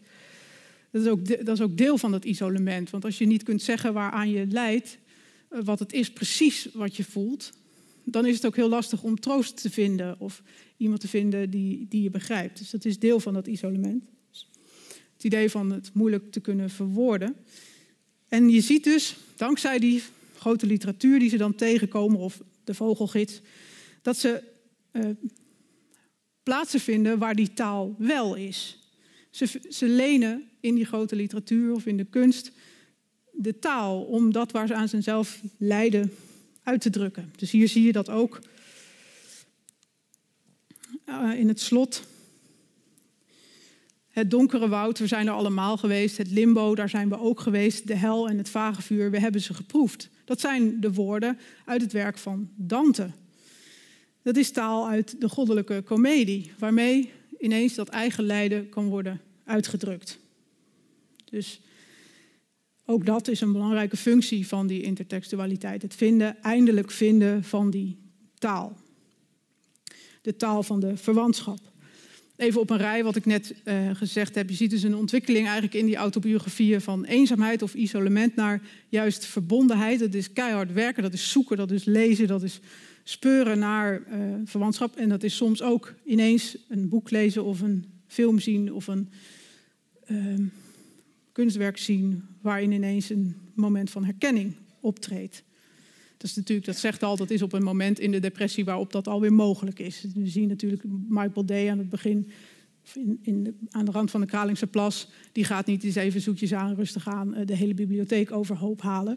Dus het is op een moment dat dat weer kan. Maar goed, wel degelijk in het beschrijven van die depressie zie je zo'n ontwikkeling van eenzaamheid of isolement naar verwantschap. Je ziet dus heel veel intertextualiteit, verwijzingen naar de wereldliteratuur of andere boeken. En daarmee zie je ook langzamerhand worden een soort heel erg, uh, wordt de taal gevonden waarmee dat eigen lijden kan worden uitgedrukt. Hele mooie taal vaak. Um, het lenen van het bij uitstek mooie, het bij uitstek artistieke. Eigenlijk een soort opwaardering van dat hele lelijke wat depressie ook kan zijn. En het ook een plaats geven in de geschiedenis van depressie. Wat ik daarmee wil zeggen is dat die autobiografieën um, veel meer zijn dan een soort inkijkje in het lijden aan depressie. Het is ook, als je autobiografie over depressie leest, dan zie je eigenlijk ook terug waar het net over ging, die zelfmanagementstrategieën. Die, die kan je eigenlijk op de voet volgen. Dus toen ik constateert, er is iets met mij, ik wil daar betekenis aan geven. Um, daar, daar moet ik zoeken naar oorzaken, daar moet ik zoeken naar uh, wie ben ik eigenlijk nog, wie ben ik in relatie tot anderen. En dat die hele speurtocht, die hele zelfanalyse, die lees je, uh, volg je op de voet eigenlijk in autobiografische literatuur. En dan behalve het literaire domein, dus die, die, die uh, literaire werken, zie je daar ook dat die vertellers ook de hele wetenschappelijke bibliotheek afstropen. Um, op zoek naar bruikbare verklaringen voor de oorzaak van hun lijden. Dit is bijvoorbeeld um, een selectie van al de boeken waar aan gerefereerd wordt, of alle artikelen in David's Inferno. Um, je ziet uh, muziek dat daaraan gerefereerd wordt, je ziet cultuurwetenschappelijke uh, boeken zoals Mad in America. Je ziet dus Dante inderdaad, maar je ziet ook wetenschappelijke boeken over uh, serotonine erin terugkomen. Ik zie soms ook bijsluiters van antidepressiva uitgeplozen worden in die boeken. verwijzingen naar de DSM-4, dat net al even voorbij is gekomen. Zelfhulp, allerlei vragenlijsten. Uh, nou, je kunt zo gek niet bedenken of ze hebben het erbij gesleept, ook vaak via zoeken op het internet, om maar te kunnen begrijpen, om maar betekenis te kunnen geven aan uh, dat eigen lijden. En nu rond ik mijn verhaal af. Um, wat je ziet in zo'n autobiografie is een ik die uit de, enorme hoeveelheid literatuur die over depressie beschikbaar is, eigenlijk de krenten uit de pap haalt. Je ziet ze um, zoeken naar wat bruikbaar is en wat niet. Wikken en wegen. Hier heb ik wat aan, hier heb ik niet wat aan. En zo denk ik dat autobiografie, behalve een inkijkje in wat dat lijden nou betekent, ook eigenlijk een soort gidsen voor anderen kunnen zijn. Voor mensen die iets willen weten over de betekenis van depressie. Maar ook uh, voor mensen die misschien zelf wat hulp kunnen gebruiken bij die eindeloze zoektocht naar uh, wat dat lijden aan depressie uh, betekent en wat de weg eruit kan zijn. Dank jullie wel.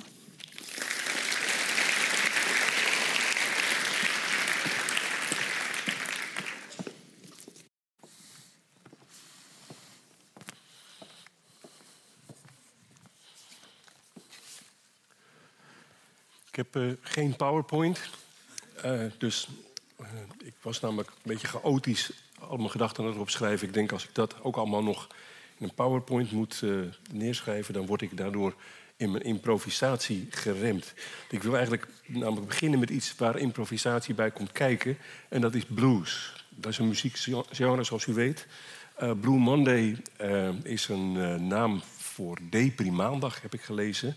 Maar het woord blue komt natuurlijk van blues. En dat is een genre, muziekgenre, geboren uit het contact tussen twee culturen. Een Afrikaanse cultuur en een kolonialistencultuur, van vooral blanken. En uh, dat heeft zijn weg gevonden naar een bepaald soort muziek. Maar die muziek wordt geacht een stemming uit te drukken. Die stemming is misschien al verdwenen. Het zou kunnen zijn dat de muzieksoort nog wel bestaat. Maar de, het genre stemming zou je kunnen zeggen en niet meer zo duidelijk leeft. Die muziek is namelijk gecanoniseerd. En je kunt nu, uh, als iemand een gitaar pakt, onmiddellijk merken of hij blues speelt of iets anders. Dus dat betekent dus dat de uitdrukkingsverschijnselen van die stemming... die hebben een bepaalde nou, laat ik zeggen, een ja, muzikale anatomie gekregen, laat ik het zo maar zeggen. En misschien is dat ook wel met wetenschappelijke theorieën over psychologie, dat er allerlei verschijnselen zijn die misschien uh, een beetje als een soort fluïde zich gedragen, moeilijk vatbaar. Er ontstaat een terminologie en na verloop van tijd heb je een aandoening of een muzieksoort. Ik heb zelf liever muziek dan een aandoening. Ja, ik, wat ik ga proberen is om heel kort, want het, is, het, zal erg beperkt zijn door de tijd, maar ook door mijn deskundigheid, een uh, verhaal te vertellen over uh, ja, psychische aandoeningen in andere culturen. Alsof ik daar allemaal geweest ben. Dat is natuurlijk niet zo. Ik ben zelf, moet ik eerlijk zeggen, alleen maar depressief geweest in de westerse cultuur en niet in de Chinese of in de Afrikaanse of Indiaanse cultuur. Maar je mag aannemen dat mensen uh, met een andere taal en een hele andere geschiedenis ook zichzelf anders beleven dan wij dat doen. En dat is natuurlijk wel zo dat nu de westerse manier van leven zich over de hele uh, aarde verspreidt. Maar toch, ja, toch mag je vermoeden dat die, uh, ja, laat ik zeggen, die inheemse psychologieën niet allemaal hetzelfde zijn. Dat speelt al een rol dat de, de huidige westerse psychologie vooral gebaseerd is, zeggen sceptici, op de, uh, ja, de proefpersonen. En dat zijn vaak studenten aan westerse universiteiten. En uh, ja, op die manier krijg je misschien toch een, uh, ja, een beetje een vertekend beeld. Nou ga ik niet zo ver om te zeggen dat de westerse psychologie alleen maar voor westerlingen geldt. Dat zou heel erg relativistisch zijn. Zo ver wil ik niet gaan.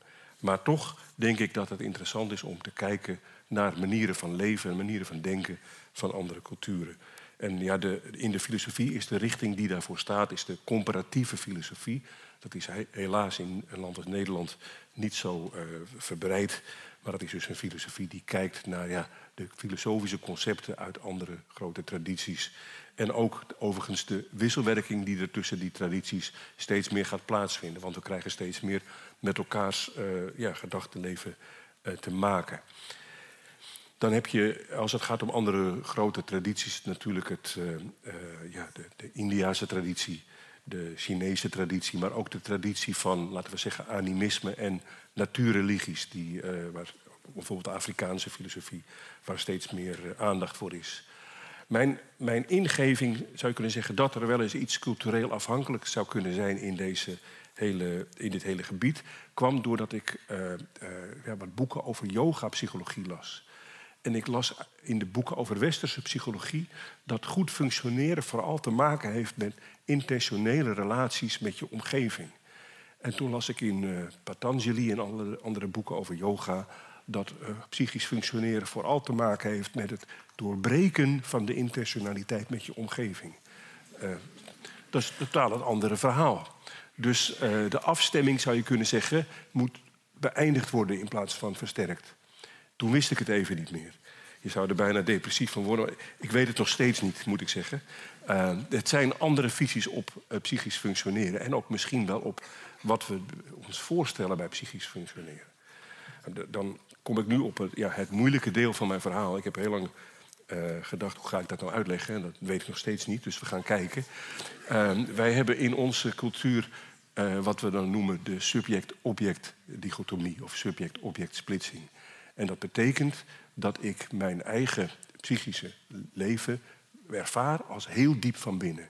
En mijn leven naar de buitenwereld, dat zeg ik al, dat is naar buiten. Dan krijg je de samenleving, hè, dat is iets abstracts en groots, de maatschappij.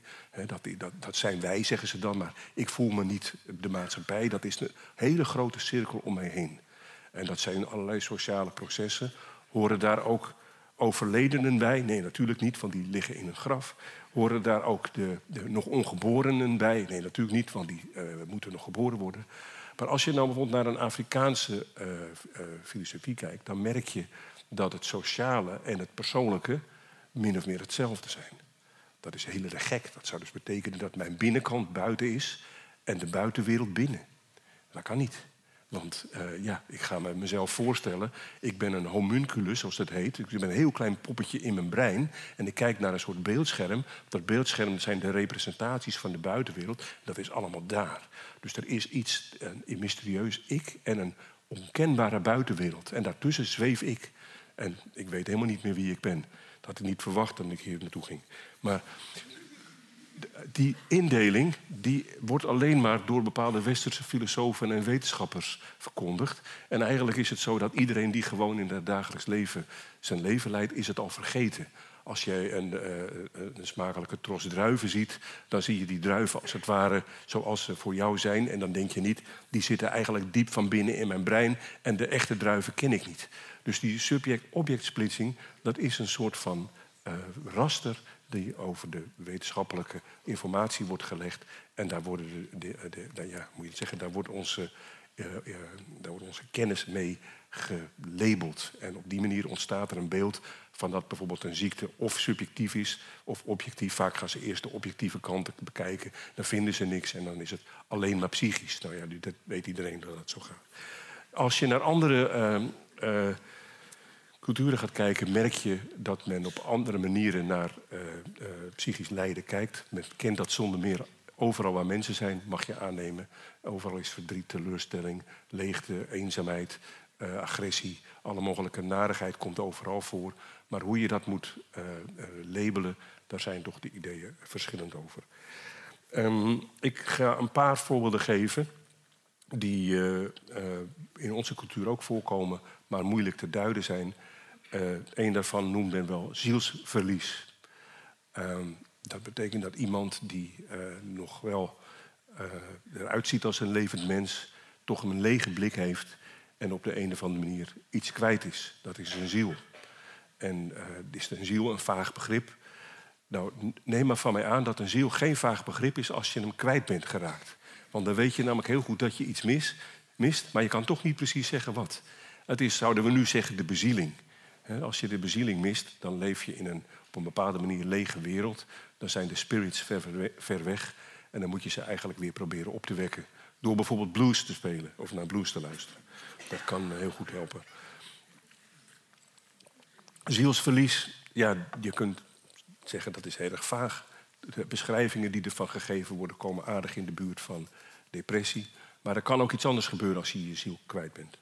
Dat is namelijk dat er iets eh, voor in de plaats komt. Dat moet je eigenlijk proberen te voorkomen. Maar dat is ons eigenlijk niet gelukt, ook in onze samenleving niet. Dat noem je bezetenheid. En bezetenheid betekent dat je in het meest radicale geval je hele persoonlijkheid verdwenen is. Daar zijn uh, hele grondige studies gemaakt, ook door westerse psychologen zoals William James, die daarover hebben geschreven. Dan ben je dus een ander. En die ander heeft een amnetische barrière naar jou toe en andersom. Dan weet je eigenlijk niet meer wie je was. Heel moeilijk. Je zou kunnen zeggen een soort van Dr. Jekyll en Mr. Hyde verhaal. Uh, maar er zijn heel veel mildere vormen van en die komen heel veel voor. Herkennen we waarschijnlijk ook wel dat mensen gaan werken als een bezetene. Uh, ik herken jou nou niet, zeg je. het lijkt wel dat je bezeten bent ergens van. En ik, ja, ik zou bijna zeggen, in onze samenleving, waar we net toch een schets van hebben gekregen van de liberale mentaliteit, zijn een hele hoop mensen misschien wel bezeten door, laten we maar zeggen, de god van het geld. of andere materiële doelen die ze zich stellen. Succes, uh, aanzien. ik weet niet of jullie het herkennen dat je wel eens een keer door een bepaald idee gegrepen wordt en dat je daar helemaal voor gaat. En dat je eigenlijk achteraf denkt van wat was er nou eigenlijk met mij aan de hand. Bij sommige mensen duurt dat erg lang.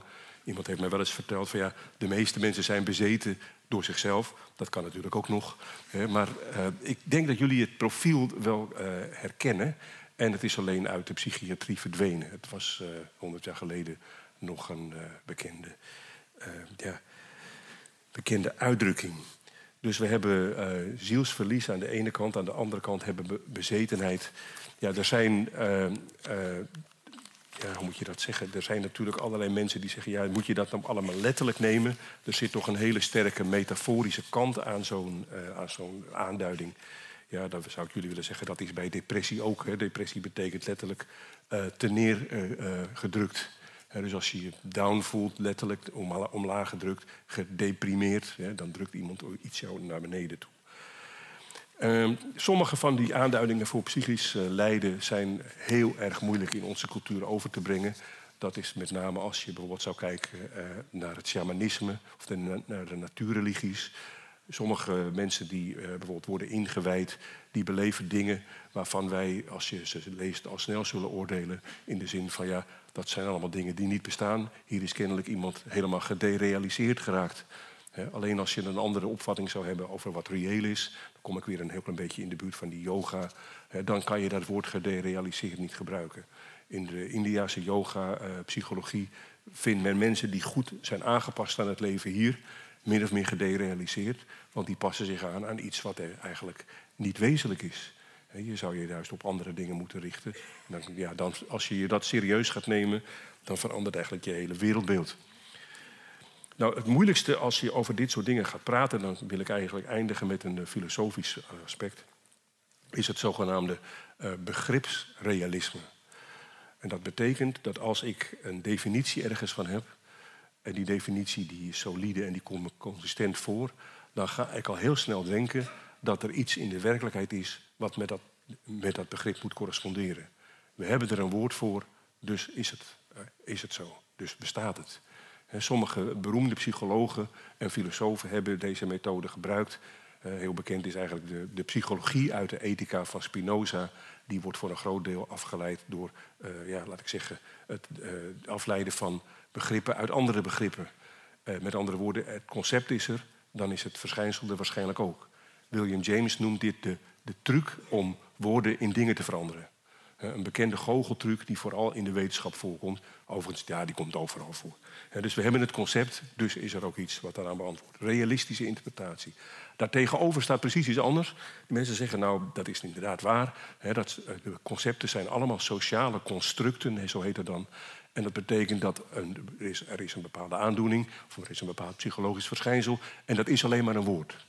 Nou, als je depressief bent en iemand zou zeggen dat is alleen maar een woord, dan word je daar niet vrolijk van. Dat was je al niet. Uh, dus, dus beide standpunten schieten heel veel te ver door.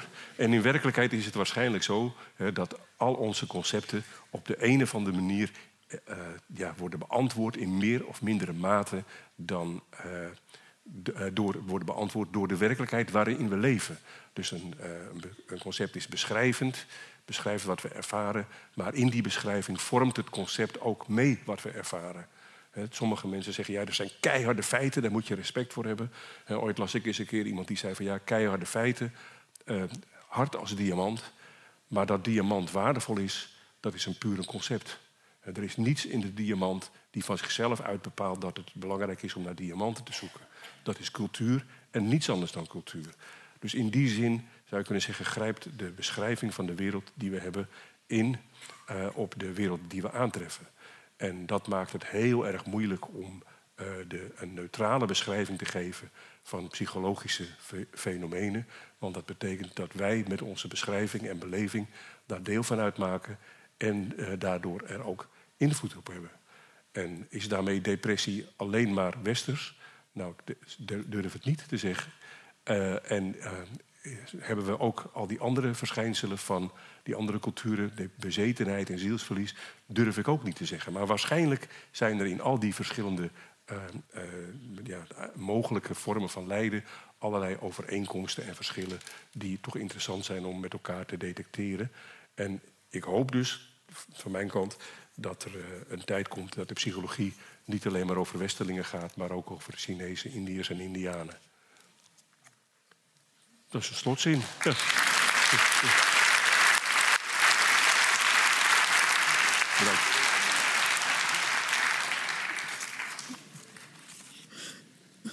Dank jullie wel, alle vier. Dan is het tijd voor het gesprek. We zijn ietsje uitgelopen, maar dat uh, zal ik voor mijn rekening nemen. Ik zal iets minder vragen stellen en dan is er uh, in ieder geval genoeg tijd voor jullie eigen vragen. Um, ik heb vier hele interessante en heel verschillende perspectieven gehoord. Um, tegelijk dacht ik, volgens mij is depressie bij uitstek ook iets van de ervaring. Iets wat mensen voelen, wat iets met je doet, wat je machteloos maakt of wanhopig of verdrietig of nou ja, van alles. En, en het is net verschillende keren gezegd, het is, uh, nou ja, er is een soort depressie-epidemie. Het is een volksziekte nummer één. Eén op de vijf mensen krijgt ermee te maken. En dus ook heel veel mensen uh, die iemand met depressie in hun omgeving hebben. Um, vast ook hier in de zaal. Dus ik dacht, laten we beginnen met een vraag over de ervaring. En ik ben eigenlijk benieuwd om van jullie alle vier te horen... wat is nou voor jullie persoonlijk het centrale kenmerk van de ervaring van depressie?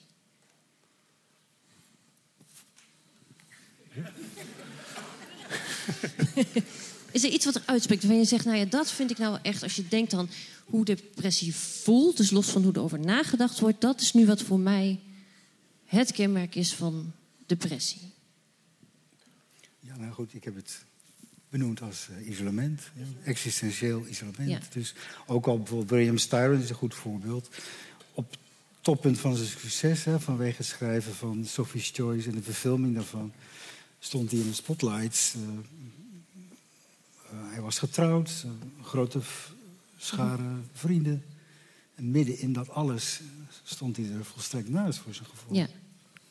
Dus ontstemdheid, ja, zo kun je het noemen. Hè? Dus in de dubbele zin van het woord. Je bent, je hebt, het is een diepgaand uh, onbehagen vanwege een gebrek aan afstemming. Wat ja. overigens niet uh, intentioneel is. Dus, dus, uh, dus dat, dat Oosterse zit, zit, zit denk ik misschien... Dat loslaten van die intenties, hè, dat, dat, dat, dat zou misschien juist een truc kunnen zijn om, uh, om depressie uh, te doen keren. Ik zie jou knikken, Hein. Wat zou voor jou dat, wat zou dat inhouden, het loslaten van nou, intenties? Ik denk bij dit, mijn, zover ik zelf ervaring heb op het gebied van depressie, is het zo dat je onvrijwillig betekenis wordt ontnomen. Dus ik kan uh, ik kan bijvoorbeeld zeggen van nou, vroeger uh, vond ik dat en dat interessant, maar dat interesseert me nu niet meer, zoiets. Hè? Van, daar, heb ik, ben ik onthecht geraakt van, van de dingen die betekenis voor me hadden. Heb ik zelf dan iets voor gedaan, laat dat nou maar achter je. Maar als het leven dat voor mij beslist, dan vind ik dat knap moeilijk. Dus eh, op een zeker moment heb je geen contact meer met wat, wat, je, wat waardevol voor je was. Dat zegt je niks. Alsof het als een stomme film aan je voorbij trekt. Ja, en dan probeer je als het ware grip te krijgen op de dingen, maar dat, dat, dat gebeurt niet. Nou, dat vind ik, eh, dat vind ik heel erg moeilijk. Ja. En uh, als je dat inderdaad, als je daarin getraind zou kunnen worden, hoe je, hoe je dat proces zou, zou uh, kunnen stoppen of kunnen begeleiden, dat lijkt voor mij ook een beetje op uh, blues zingen. He, want ja. dan leer je namelijk hoe je die stemming tot iets moois kan omzetten. En ja, dat, doe dat maar eens. Ja, dus het grip krijgen zit voor jou ook in het betekenis geven aan ja, nou moet ik, dit wordt misschien heel moeilijk, maar dat zie ik dus niet als iets wat echt van mij uitgaat. Hè? Van, oh kijk, nou ga ik eens even zin geven aan dit gebeuren. Nee, maar dat is, het, het, het, het, het lijkt alsof het leven heeft besloten voor jou, hoe je dat ook noemt, dat die uh, zin niet meer gegeven gaat worden vandaag. Ja. En morgen ook niet trouwens. Nee. Dus en dat, dat is, ja, dat, dat, dat, ja, dat vind ik, dan voel je je compleet machteloos. Ja, precies. Dus uh, naast ja, isolement. Misschien kan hetzelfde leven besluit om het je weer terug te geven. Er is een bepaalde uh, campagne geweest of een bepaalde uh, noemer gericht op een bepaalde doelgroep. Grip op je dip. Ja. Misschien is dat wel heel tegenstrijdig. He, dus dus, dus de, de maakbaarheidssamenleving waar ja. wij in leven, alles moet onder controle gebracht worden, ja. is misschien wel deel, groot deel van het probleem. Dus grip op je dip, ja, ik snap best, je moet je moet, het moet niet te veel uh, uh, je leven bepalen, dat ja. snap ik wel. Maar misschien zit er nog steeds ook wel te veel die controle-neiging in. En daar, daar is het oosten ja. natuurlijk heel erg op gericht. Dan krijg je een stuk overgave eigenlijk. Ja. Ja, Maar dat is heel moeilijk uit te leggen. En ook trouwens heel moeilijk te doen. Ja.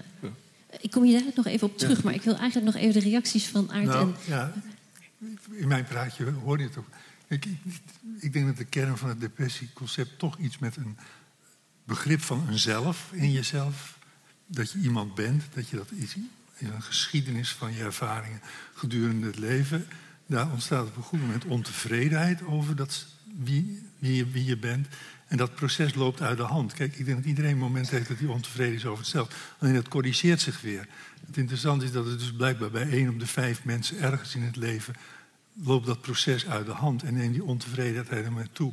Dan verlies je je zelfbeeld. Dan is het alsof je je geest, als je dat zelf als een, bijna een soort geest ervaart, diep in je, wie je bent, verliest en het contact daarmee verliest.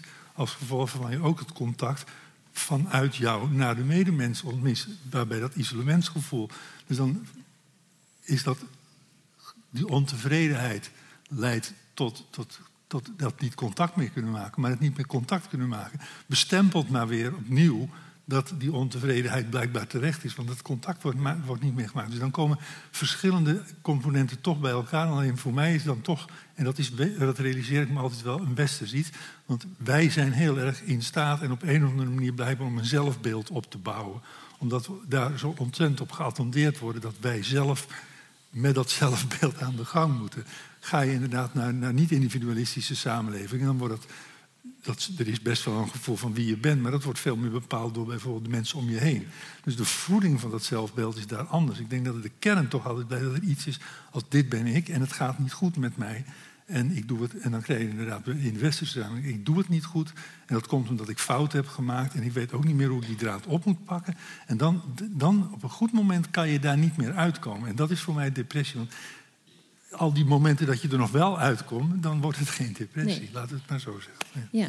En ziet u daarin ook een rol van de cultuur? In de zin van dat u, of je begon net met te zeggen van goh, het is hè, een soort mechaniek van dat je uh, vaststelt dat je faalt of fouten maakt, maar dat je dat weer terugpakt. Als ja, het goed dit, gaat. Natuurlijk zit die culturele kant, want Ja. dat is ontegenzeggelijk. Alleen ja, dan, dan kom ik natuurlijk weer even met de cijfers. We weten dat het beeld van depressie, en dan is nog maar weer de vraag, ja, kan dat in alle culturen voorkomen en waarschijnlijk ook in de hele geschiedenis altijd heeft voorgekomen vanaf, nou, laten we misschien zeggen 10.000 jaar geleden, iets in die sfeer. Dus dat beeld is niet cultureel afhankelijk, dat je het in het ene land wel hebt en in het andere land niet. Dus het is een, een, een, een algemene, diep in de mens aanwezige reactie die blijkbaar in allerlei culturen zich weer kan voordoen. Zich misschien verschillend manifesteren, misschien verschillend beleefd. Maar wel weer gepaard gaat met dat gevoel van lamlendigheid, eh, de grip verliezen, het contact verliezen. Eh, dus daar zitten wel weer algemene kenmerken in. En dan slaat het door. door ook, nou, nou, vandaar dat ik begon met dit bolletjesmodel. Dat je op een gegeven moment merkt dat, dat dan ook de slaappatronen en eh, al die andere patronen, die begeven het ook. En ik neig dus toch te denken dat dat een door de menselijke biologie bepaald beeld is, wat zich uiteindelijk op een bepaald aantal kenmerken steeds wel weer manifesteert. En natuurlijk is het verschillend in verschillende culturen en verschillende tijden. Kijk, mensen worden tegenwoordig van al die dingen waar wij te midden van leven depressief. En kun je zeggen, nou, dan betekent dat al die dingen die er nu zijn en honderd jaar geleden waren, eh, niet waren. Dan kon men dus blijkbaar toen depressief worden. Toen gingen kinderen dood. Toen was er honger, er was uh, dorst. Uh, alles was vies en stinkend. En iedereen liep weg en ging dood toen hij 32 was. Dus er was ook wel wat te treuren en, en tegenslagen te ervaren. Ja, toch? Ik bedoel, ja. Is... ja. Ik bedoel, wat, wat, wat is het voor leven als je vijf kinderen krijgt waarvan er vier doodgaan? Om maar iets te noemen. Ja, wil je daar ook weer iets zeggen over hoe wij depressie interpreteren? In de zin van dat misschien groter maken dan het is, of groter, dat het de kans heeft groter te worden dan nou, nee, in de generatie? dat er in het leven altijd dingen zijn die goed gaan en dingen die niet goed gaan. Alleen dat die in tijden verschillen en dat de dingen die voorheen niet goed gaan, die hebben wij overwonnen. Maar wij hebben allemaal nieuwe dingen gecreëerd die niet goed gaan. Bijvoorbeeld, nou, ik kan een hele lijst maken, social media, internet, eh, isolementen. De helft van de Amsterdamse bevolking is een eenpersoonshuishouden. Uh, wat we al heel lang weten. Ik, bedoel, ik, ik ben ooit in de, de, psychiatrie beland. Toen kwam ik in het eerste congres. Dat ging over sociale steun en sociale netwerken. In relatie tot depressie. Dat was het thema van de midden jaren tachtig waar het over ging. En toen wilden we snappen hoe het kwam. Nou, wat we daarin hebben ontdekt, de toenmalige onderzoekers, dat voldoende sociale steun en een voldoende groot netwerk, dat beschermt tegen depressie. Nou, dan kom je bij het isolement. Die nou netwerken die hebben we allemaal afgebouwd. Mensen zijn in toenemende mate uh, inderdaad in isolement beland. En in de grote steden is dat groter. En als we doorgaan met grote steden maken, komen al meer mensen in isolement. En dan stijgt het percentage mensen die dus depressogene krachten ondergaat, dat stijgt. Maar dan kom ik weer even met, ik denk dus wel weer dat er een biologische basis is. Ik, bedoel, ik geloof heilig in genetica, dat kan je misschien voorstellen. Genetica geeft een bepaalde hoeveelheid kwetsbaarheid en die, die verspreidt zich in de bevolking. Die is overal aanwezig. Dus in welke cultuur je ook zit, zijn die genen aanwezig die die systemen die ontregelen, aandrijven. Dus dan maakt het niet weer zo uit in welke cultuur is. Als die ontregeling optreedt. En stel je, je woont in Australië, niet nu, maar 100 jaar geleden. En de hele bende fik toen ook al af, want die, waren, die rampen waren er toen voor een deel ook al wel. Ja, is, dat leuk? Is dat aardig? Ja, dan zijn dat de grote betekenissen. Ben je alles kwijt? Kinderen verbrand, beesten verbrand. Hoe moet dat verder? Uh, kies maar. Wat wil je liever dat je, je kinderen uh, verslaafd zijn aan het internet of dat ze doodgaan? Ik weet het niet. Maar over die. over die. Kijk, die kwetsbaarheid uh, is natuurlijk iets wat je in de gaten moet houden. Maar we zijn vandaag de dag zo verdomd gericht op die biologische uh, kant van de zaak. En uh, als je het hebt over ervaring, we moeten natuurlijk vooral ons afvragen. Vergelijkingen met het verleden zijn soms verhelderend, maar ook soms vertroebelend. Wat onze hedendaagse ervaring van depressie is. En misschien leert die depressie-epidemie dat wij, om het zomaar even te zeggen, Afrikaanse of Zuid-Afrikaanse zijn dan we denken. He, Ubuntu, ja. een bekend begrip uh, in, in, in Afrika, Zuid, Zuidelijk Afrika. Niet Descartes, ik denk dus ik ben, maar uh, wij zijn dus ik ben. Dus omdat je deel uitmaakt van een gemeenschap, kun je dat zelf zijn, kun je, kun je floreren ook. En misschien zijn we dat een beetje uit het oog verloren. Ja. En is dat vooral wat die hedendaagse depressie-epidemie... even afgezien van al die heel individuele gevallen met trauma's en noem maar op... maar wel ja, het is natuurlijk een heel rare term, depressie-epidemie, alsof we het over een besmettelijke ziekte hebben. Maar als een soort teneur in onze samenleving, waar veel mensen uh, met dat label worden gelieerd. Waarbij nog steeds de vraag is, hebben ze dan echt een depressieve stoornis? Maar die klachten, die eenzaamheid, dat isolement... zegt heel erg veel over onze hedendaagse cultuur. En je kan het ook positief leren uh, uh, lezen. Dus wat zegt die depressie ons? Ik voel me zo verdomd alleen. Te midden van alles, omdat ik een afstemmingswezen ben. En dus iets heel elementairs in mijn mens zijn wordt met voeten getreden. En onze hedendaagse uh, cultuur, met het entertainment als het hart, probeert ons voortdurend daaruit te jagen. De talentenshow is een van de meest populaire programma's, vooral ook bij kinderen. Wat zegt de talentenshow? Sta in de spotlight, geniet van wat je doet, maar zorg dat al die anderen verdwijnen, want het zijn allemaal concurrenten. Dat is het goede leven. Als je daar in die spotlight staat en je bent als enige overgebleven, dan heb je succes. En een van de figuren die dat gelukt is, Laura van Kaam, winnares van uh, Voice Kids 2013, is ook een van de eerste die op Facebook uh, heeft, uh, hoe zeg je dat? Op Facebook heeft getoond dat ze zwaar gedeprimeerd is. Dat moet ons iets zeggen, dat soort verbanden. Zeg maar. Ja, precies. En als we het dan toch hebben over verbanden en over gemeenschap en over de relatie tussen gemeenschap en isolement, ben ik eigenlijk benieuwd, Anne Fleur, kan literatuur ook een soort, soort verbondenheid vormen? Een soort, soort gemeenschap tussen gelijkgestemden misschien? Ja, dus dat is wat, je, wat ik in ieder geval heel erg zag in uh, al die autobiografieën die ik heb bestudeerd. Dat, dat literatuur die functie kan vervullen van gemeenschappelijkheid. Dus um, Maarten van Buren, die het heeft over, op een gegeven moment uh, heeft over uh, literatuur als, of boeken als mijn cordon van papieren getrouwen, zegt hij dan. Prachtig gezegd natuurlijk. Of um, een Britse autobiografie waarin gezegd wordt over boeken, dat, dat zijn mijn vrienden. Het is goed dat er boeken zijn, want zij zijn er altijd, ze gaan nooit weg. Daar kan ik altijd uh, terecht. En in die boeken kan ik iets van verwantschap uh, vinden. Iets van herkenning uh, of taal voor dat waaraan ik leid. En die taal is natuurlijk ook weer een middel om weer in contact te komen met de wereld om je heen. Of, of dat, die verwantschap weer te kunnen zoeken. Dus je ziet ook, dat vind ik dan ook heel interessant, dat op het moment dat mensen schrijven dat het weer uh, beter met ze gaat, dat dat ook altijd dus gepaard gaat met het weer kunnen lezen of het weer kunnen kijken van films, het weer kunnen praten met anderen. Dus inderdaad, dat, dat isolement en het uh, veranderen daarvan, dat speelt in die verhalen een grote rol over depressie. En tegelijkertijd, want dat uh, vroeg je ook net nog, um, wat is depressie nou in één woord? denk ik ook dat op basis van die autobiografie dat juist het niet kunnen vinden van dat ene woord, uh, ook heel erg de kern van depressiviteit is. Dus het is van alles. En het is een heel urgent gevoel van, van er is iets absoluut niet pluis.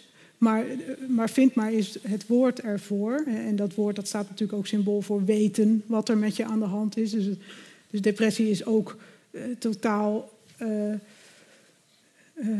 ja, duizelig worden van alles wat je niet weet. Depressie is niet meer weten bij wie je hoort. Depressie is stilstaan en ook niet weten wat er beweging ooit was. Uh, dus depressie is heel veel. Uh, en niet één woord, denk ik, want dan zouden we al een hoop problemen hebben opgelost, denk ik. Als we er één woord voor hadden gevonden. Dat zie je ook, daar moest ik ook wel aan denken, die enorme hoeveelheid publicaties over depressie is daar ook een soort illustratie van. Van een poging grip te krijgen ook in de taal op wat depressie is. En dat maar blijven doen. Uh, zegt eigenlijk ook iets over, misschien uh, voorzichtig ook iets over het onvermogen van ons om er een definitief antwoord op te geven. Ja, en misschien ook is het wel een mooi bruggetje naar het woord dat jij net noemde, hè, overgave. Van hoe gaan we nou om met iets wat we niet in één woord kunnen vatten, wat we niet zomaar kunnen pinpointen. Uh, dus overgave misschien niet alleen maar aan de omstandigheden, maar ook aan het ding zelf. Hoe, hoe zie je dat? Wat zou de rol van overgave kunnen zijn? Ja, het is een heel moeilijk iets. Uh, sommige mensen kunnen toch in een bepaalde situatie in het diepe springen en gewoon accepteren dat het slecht gaat. En dan door een bepaald contact met de werkelijkheid, wat ze ergens nog voelen, langzamerhand daar weer uitspringen. Dus als mijn vader die vertelde altijd van die flauwe voorbeelden. Maar een ervan was een, een, een kikker die dan in, in de melk is gevallen. En die gaat dan de hele tijd maar eh, rondjes draaien. En op een zeker moment ontstaat er een klontje boter en dan springt hij er weer uit. Ja, dat soort hele flauwe, flauwekul. Daar ben ik dus toch nog door geconditioneerd kennelijk. Dus ik, ik geloof op de een of andere manier wel in... Ja, dat, dat zijn misschien ook wel een beetje religieuze dingen. Dat heeft te maken ook met hoop. Uh, je, moet het maar, je moet het ook maar kunnen. En uh, uh, misschien dat, dat we... Dan, dan ben ik mij toch ook op iets anders dat we in, deze hele, uh, in dit hele gesprek toch nog steeds erg uitgaan van een individu en van een, het fenomeen dat we mensen zijn. En we zijn ook deel van de natuur. En je hoort dus dat mensen heel erg opknappen van tuinieren. En dat ze heel erg opknappen van wandelen, omdat ze gewoon dan in het bos... en dat ze dus voelen dat ze op de een of andere manier contact hebben. Die bomen die zeggen je misschien niks, hè? die vertellen geen verhaal. Die geven je geen therapie. En die, uh, die planten waar je voor zorgt, die zijn afhankelijk van, jou, uh, van, van, van jouw uh, inspanning. En op die manier geef je als het ware toch een soort antwoord in je daden... op de betekenisloosheid die je zelf ervaart. Dus je geeft in ieder geval betekenis aan iemand anders of aan iets anders. En dat is misschien het wederkerige, hè? Dus niet alleen maar, ja, het is een beetje moeilijk uit te leggen, maar niet wat heb ik hier nou aan? Hè? Uh, wat betekent het nou voor mij? Nou ja, dan zou je bijna zeggen, rot op met dat voor mij. Wat betekent het voor iemand anders? Of voor de natuur? En uh, ja, dan, dan plaats je jezelf toch weer in het grote geheel. En ik denk dat we dat ook nodig hebben. Hè? Jezelf in een grote geheel plaatsen? Ja, nou, niet zo van het draait om mij. Dat bedoel ik dus juist niet. Maar dat je begrijpt dat je deel bent van een samenhang. En dat is dus het antwoord op, die, op dat isolement. Want de, de, de, ik, ik, heb het zelf wel meegemaakt dat je echt denkt van... ik geloof dat ik in een verkeerde film zit of zo. Dat niks, niks zegt je wat. Je ziet alles maar een beetje aan je voor, uh, voorbij trekken. En wat, wat, doe ik hier? goed, als dat lang duurt, dan heb je een probleem. En je probeert dus op allerlei manieren het contact te herstellen, zou ik zeggen. Ja, daar moet je je dus ook op de een of andere manier voor overgeven aan de mogelijkheid dat dat gebeuren gaat. Moeilijk als het is. Ja. ja. ja. maar dat vind ik wel mooi, want toch even naar het plaatje terug. Je kan zeggen, depressie komt veel voor. Ik vind op een bepaalde manier, als maar één op de vijf mensen er in het leven mee te maken heeft, vind ik het eigenlijk allemaal meevallen, gegeven de omstandigheden waarin wij leven. Maar waar we misschien heel goed in zijn geweest, en dan komen er wel wat dingen bij elkaar. Kijk, ik, ik, denk dat veel mensen met me delen dat het lezen van literatuur echt een geweldige ervaring is. En dat moet je vooral je hele leven doen. Maar het andere, je hele leven luister je naar muziek. En de derde component, als ik nou bijvoorbeeld vanzelf allerlei stemmingsverbeterende maatregelen, contact met de natuur. Dus we, zijn, we hebben een heel aantal mechanismes aangeleerd, bijvoorbeeld ook om relaties aan te gaan, zodat we mensen blijven zien, die dat depressogene tegengaan. Nou, blijkbaar lukt dat af en toe bij één op de vijf mensen niet. En het aardige is dat ze allemaal gaan over een soort contact. Hè? Ja. Ik bedoel, ik zonder muziek, dat gaat niet goed hoor. Dat is, elke dag is er eh, muziek die, waar, waar, ik mijn stemming mee reguleer. Zonder dat ik dat in de gaten heb, behalve als ik daar weer eens over nadenk. Ik denk van, hé, hey, wat is dat toch dominant aanwezig? Hetzelfde met lezen. Maar ook, de, uh, ik ben gek op, op kneuteren met tuinen en planten, wat jij even noemt als ik dat zo eens daarmee stop, dat is niet verstandig, om maar wat te noemen. Dus zo heb ik een heel aantal antidepressiva lopen, die lopen mijn hele leven eh, al mee. Maar als ik dat niet doe, dan gaat het niet goed. Dus het is blijkbaar toch heel kwetsbaar. Dat als je die natuurlijk aanwezige antidepressiva niet gebruikt, dat je dan toch neigt naar beneden te zakken. En afhankelijk dan misschien weer van je genen door de bodem heen te gaan. Dus daar, daar, zitten allemaal wel aardige dingen waar het wel wat bij elkaar komt, vind ik. Ja, want je Mag ik heel even onderbreken? Want volgens mij en ik zou heel graag nog een uur met jullie doorpraten, maar ik wil ook graag naar de zaal. Um, dus ga ik weer even terug naar deze slide. Als u naar menti.com gaat en daar deze code invoert, dan kunt u daar uw vraag stellen. Die verschijnt dan allemaal hier op mijn beeldscherm. Zien we Dave, Dave, je hebt al een hele lijst. Heel goed, dan ga ik nu mijn computer openen en kijken wat daar staat. Dat is hetzelfde. Ja, ja. Um, Dank je. Dan kunt u ook meteen uh, stemmen. Dus als u daar een vraag ziet staan waarvan u denkt: hé, hey, die is nou interessant. Misschien uw eigen vraag of misschien die van iemand anders. Dan kunt u die liken. U kunt ook meerdere vragen liken. En dan kunnen wij eens kijken wat daar zo uh, naar boven komt. Nou, ben benieuwd. Waarom je zo blij van Mozart wordt.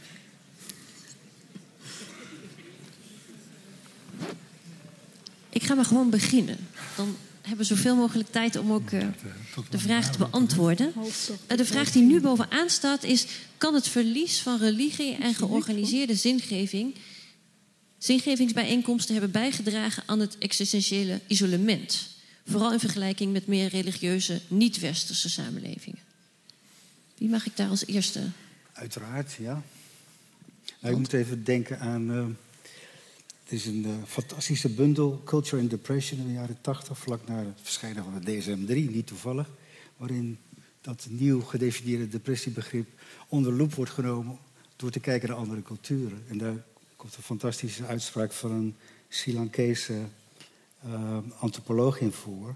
Die leest ergens in een psychologisch handboek een definitie van uh, depressie: generalized hopelessness. En die gaat er eens even over nadenken. En zegt, ja, als dat nou depressie definieert, ik als boeddhist zou zeggen, iemand die daar last van heeft, is een goede boeddhist. Ja, de kernles van boeddhisme is, het leven heeft geen zin.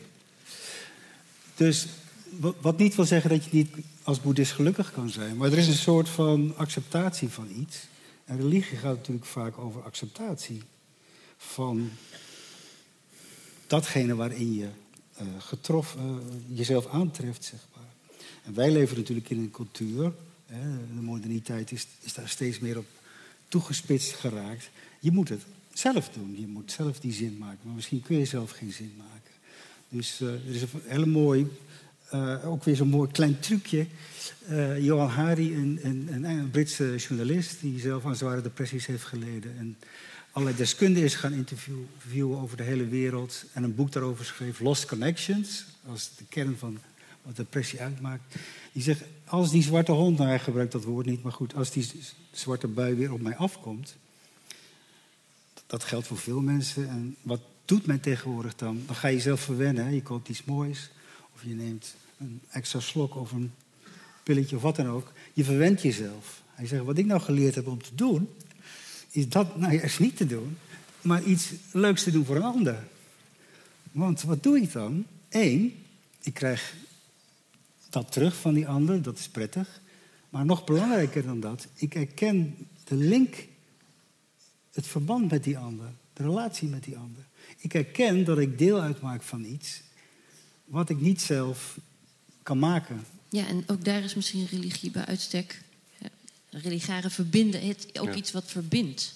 De mensen onderling, wat een gemeenschap vormt. In een geloofsgenootschap heb je relaties met mensen die je kent, die op de een of andere manier, als het goed is, naar mijn idee dan, gewijd zijn aan het hogere, wat je als hogere ervaart. En ja, dat, uh, kunnen we wel zeggen, dat zijn allemaal verhalen die de mensen verzonnen hebben. Maar daar gaat het helemaal niet om. Want je, in die ervaring geef je uh, betekenis aan, aan, elkaars bijdrage in zo'n geloofsgemeenschap. Dus dat, uh, als dat verloren gaat, en ik geloof de, de, cijfers, een paar maanden geleden hoorde ik in Nederland 367 mensen per dag verlaten de kerk, het zij door overlijden, het zij door uitschrijven. Dat uh, gaat rap. Dat gaat rap. dus ja. Ik wil even door naar de volgende vraag, want die heeft ook al 30 likes. Overigens nog één dingetje. Er is een geloof hè, wat wij hebben. Dat is, dat is die heilige markt. Ja, de mammon. Dat is ons hedendaagse ja. geloof. Ja. Daar geven we ons volledig aan. Ja, behalve dat het niet verbindt. Maar goed, dat is terzijde. nee, nou ja, goed. Ehm, de volgende vraag luidt: als depressie ook genetisch is, zijn er dan ook evolutionaire voordelen van depressie? En zo ja, welke? Nou, er zijn even, ik, ken, ik ken er twee theorieën over, althans.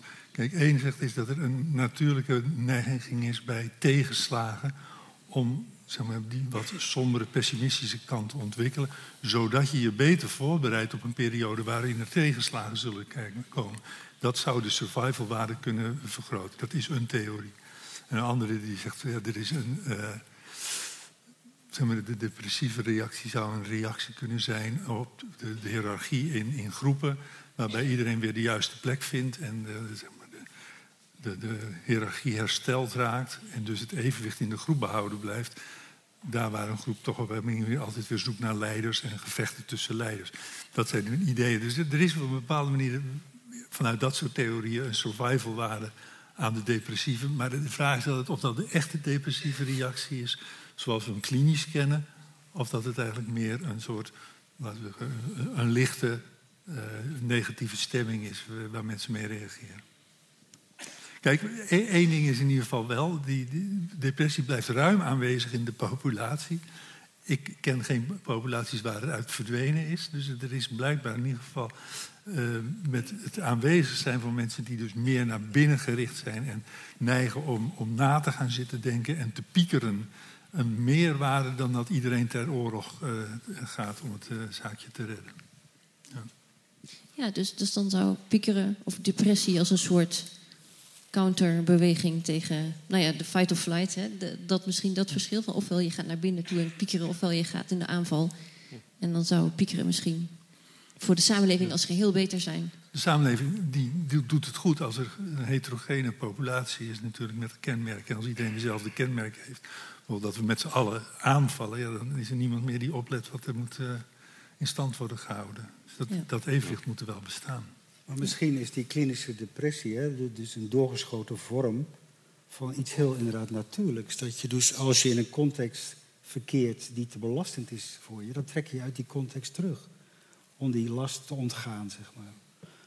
En misschien kun je daar dan, in die toestand, dus dan is het nog geen eigenlijke depressie, maar een, in ieder geval een terugtrekkingsbeweging, kun je je heroriënteren. Ik ken een andere evolutionaire theorie en dan wordt dat depressive realism genoemd. Kijk, het zijn dus- altijd theorieën hè, over wat de survivalwaarde is evolutionair van een, van een depressieve reactie. Ja. ja. Ik, sorry, ik was al even naar de volgende vraag aan het kijken. Die ga ik dan nu ook maar stellen. Um, iemand zegt, ik hoor ook wel eens dat mensen tegenwoordig depressief worden omdat ze het te goed hebben. Vroeger had men het te druk met overleven om depressief te kunnen zijn. Hoe ziet u dat? Ja, depressie als een soort luxe. Uh, mensen die honger lijden, zijn niet depressief. Want die zijn te druk bezig met het uh, zoeken van voedsel, bij wijze van spreken. Ja, so what? Dit is, de, dit is de wereld waarin wij leven. En als, als, als datgene wat wij dan depressie noemen, misschien niet altijd terecht dat we te veel daaronder scharen. Maar als dat zoveel mensen porten speelt, dan zullen we daar iets mee moeten doen. En misschien is juist die zogenaamde rijkdom van onze cultuur, materieel gezien, spiritueel op een bepaalde manier armoede. Misschien moeten we dat goed onderzoeken. Ja, dat is natuurlijk wel, even in mijn vakgebied noemen wij depressie een stressgerelateerde stoornis. Dus aan, aan, aan stressoren. Wat je moet trainen in je leven is om met stressoren om te gaan. En nou, je zou het heel simpel kunnen zeggen, als je dus onvoldoende traint om met stressoren om te gaan, dan bouw je niet de veerkracht op die je nodig hebt voor de grotere tegenslagen in het leven. Dus daar zit wel een zekere relatie in. Des te meer, dat is hetzelfde immunologisch. Als je mensen helemaal niet meer blootstelt aan allergenen, dan bouwen ze ook geen immuniteit meer op. Daar lijkt ook een beetje dus wat ze noemen stress resilience. Je moet aan stressoren worden blootgesteld om te oefenen voor nieuwe stressoren die groot zijn. Als je die oefening niet hebt, dan is je hele systeem daar niet op ingesteld en ben je, val je vrij makkelijk ten slachtoffer daarvan. Maar wordt daarmee de schuld tussen aanhalingstekens niet te veel bij het individu bij de patiënt gezegd? Dus zeg je dan ook nog, nou ja, als u maar wat meer uh, veerkracht had ontwikkeld, dan was u nu niet op dit punt? Nou, nee, dat kan je. Je kan ook aan de samenleving zeggen, als wij, als wij mensen laten opgroeien in al meer, en dat, die periode is er dan natuurlijk zogenaamd geweest, in het pre-millennium stadium, toen was er te weinig tegenslag voor de generatie van kinderen die opgroeiden.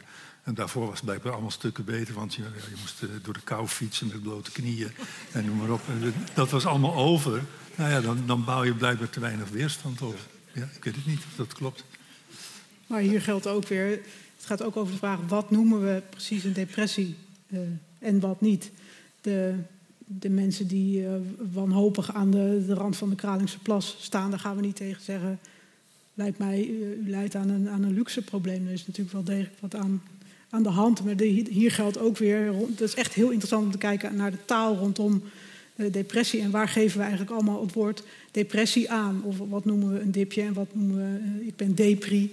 Dus het, het hele culturele gebruik van die term depressie is ook super interessant wat dat betreft.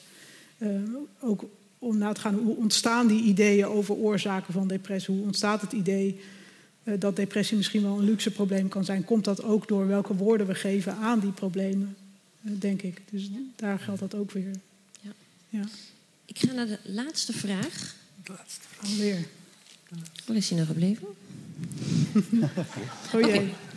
Welk verband zien jullie tussen social media en depressie? Nou, daar zat ik net aan te denken, toevallig. Eh, nee, niet zo toevallig natuurlijk. Ik bedoel, we zitten nog niet zo lang in dat digitale tijdperk. En we hebben denk ik nog geen enkel idee hoezeer dat ons leven aan het veranderen is. In termen van belasting en stressoren bijvoorbeeld.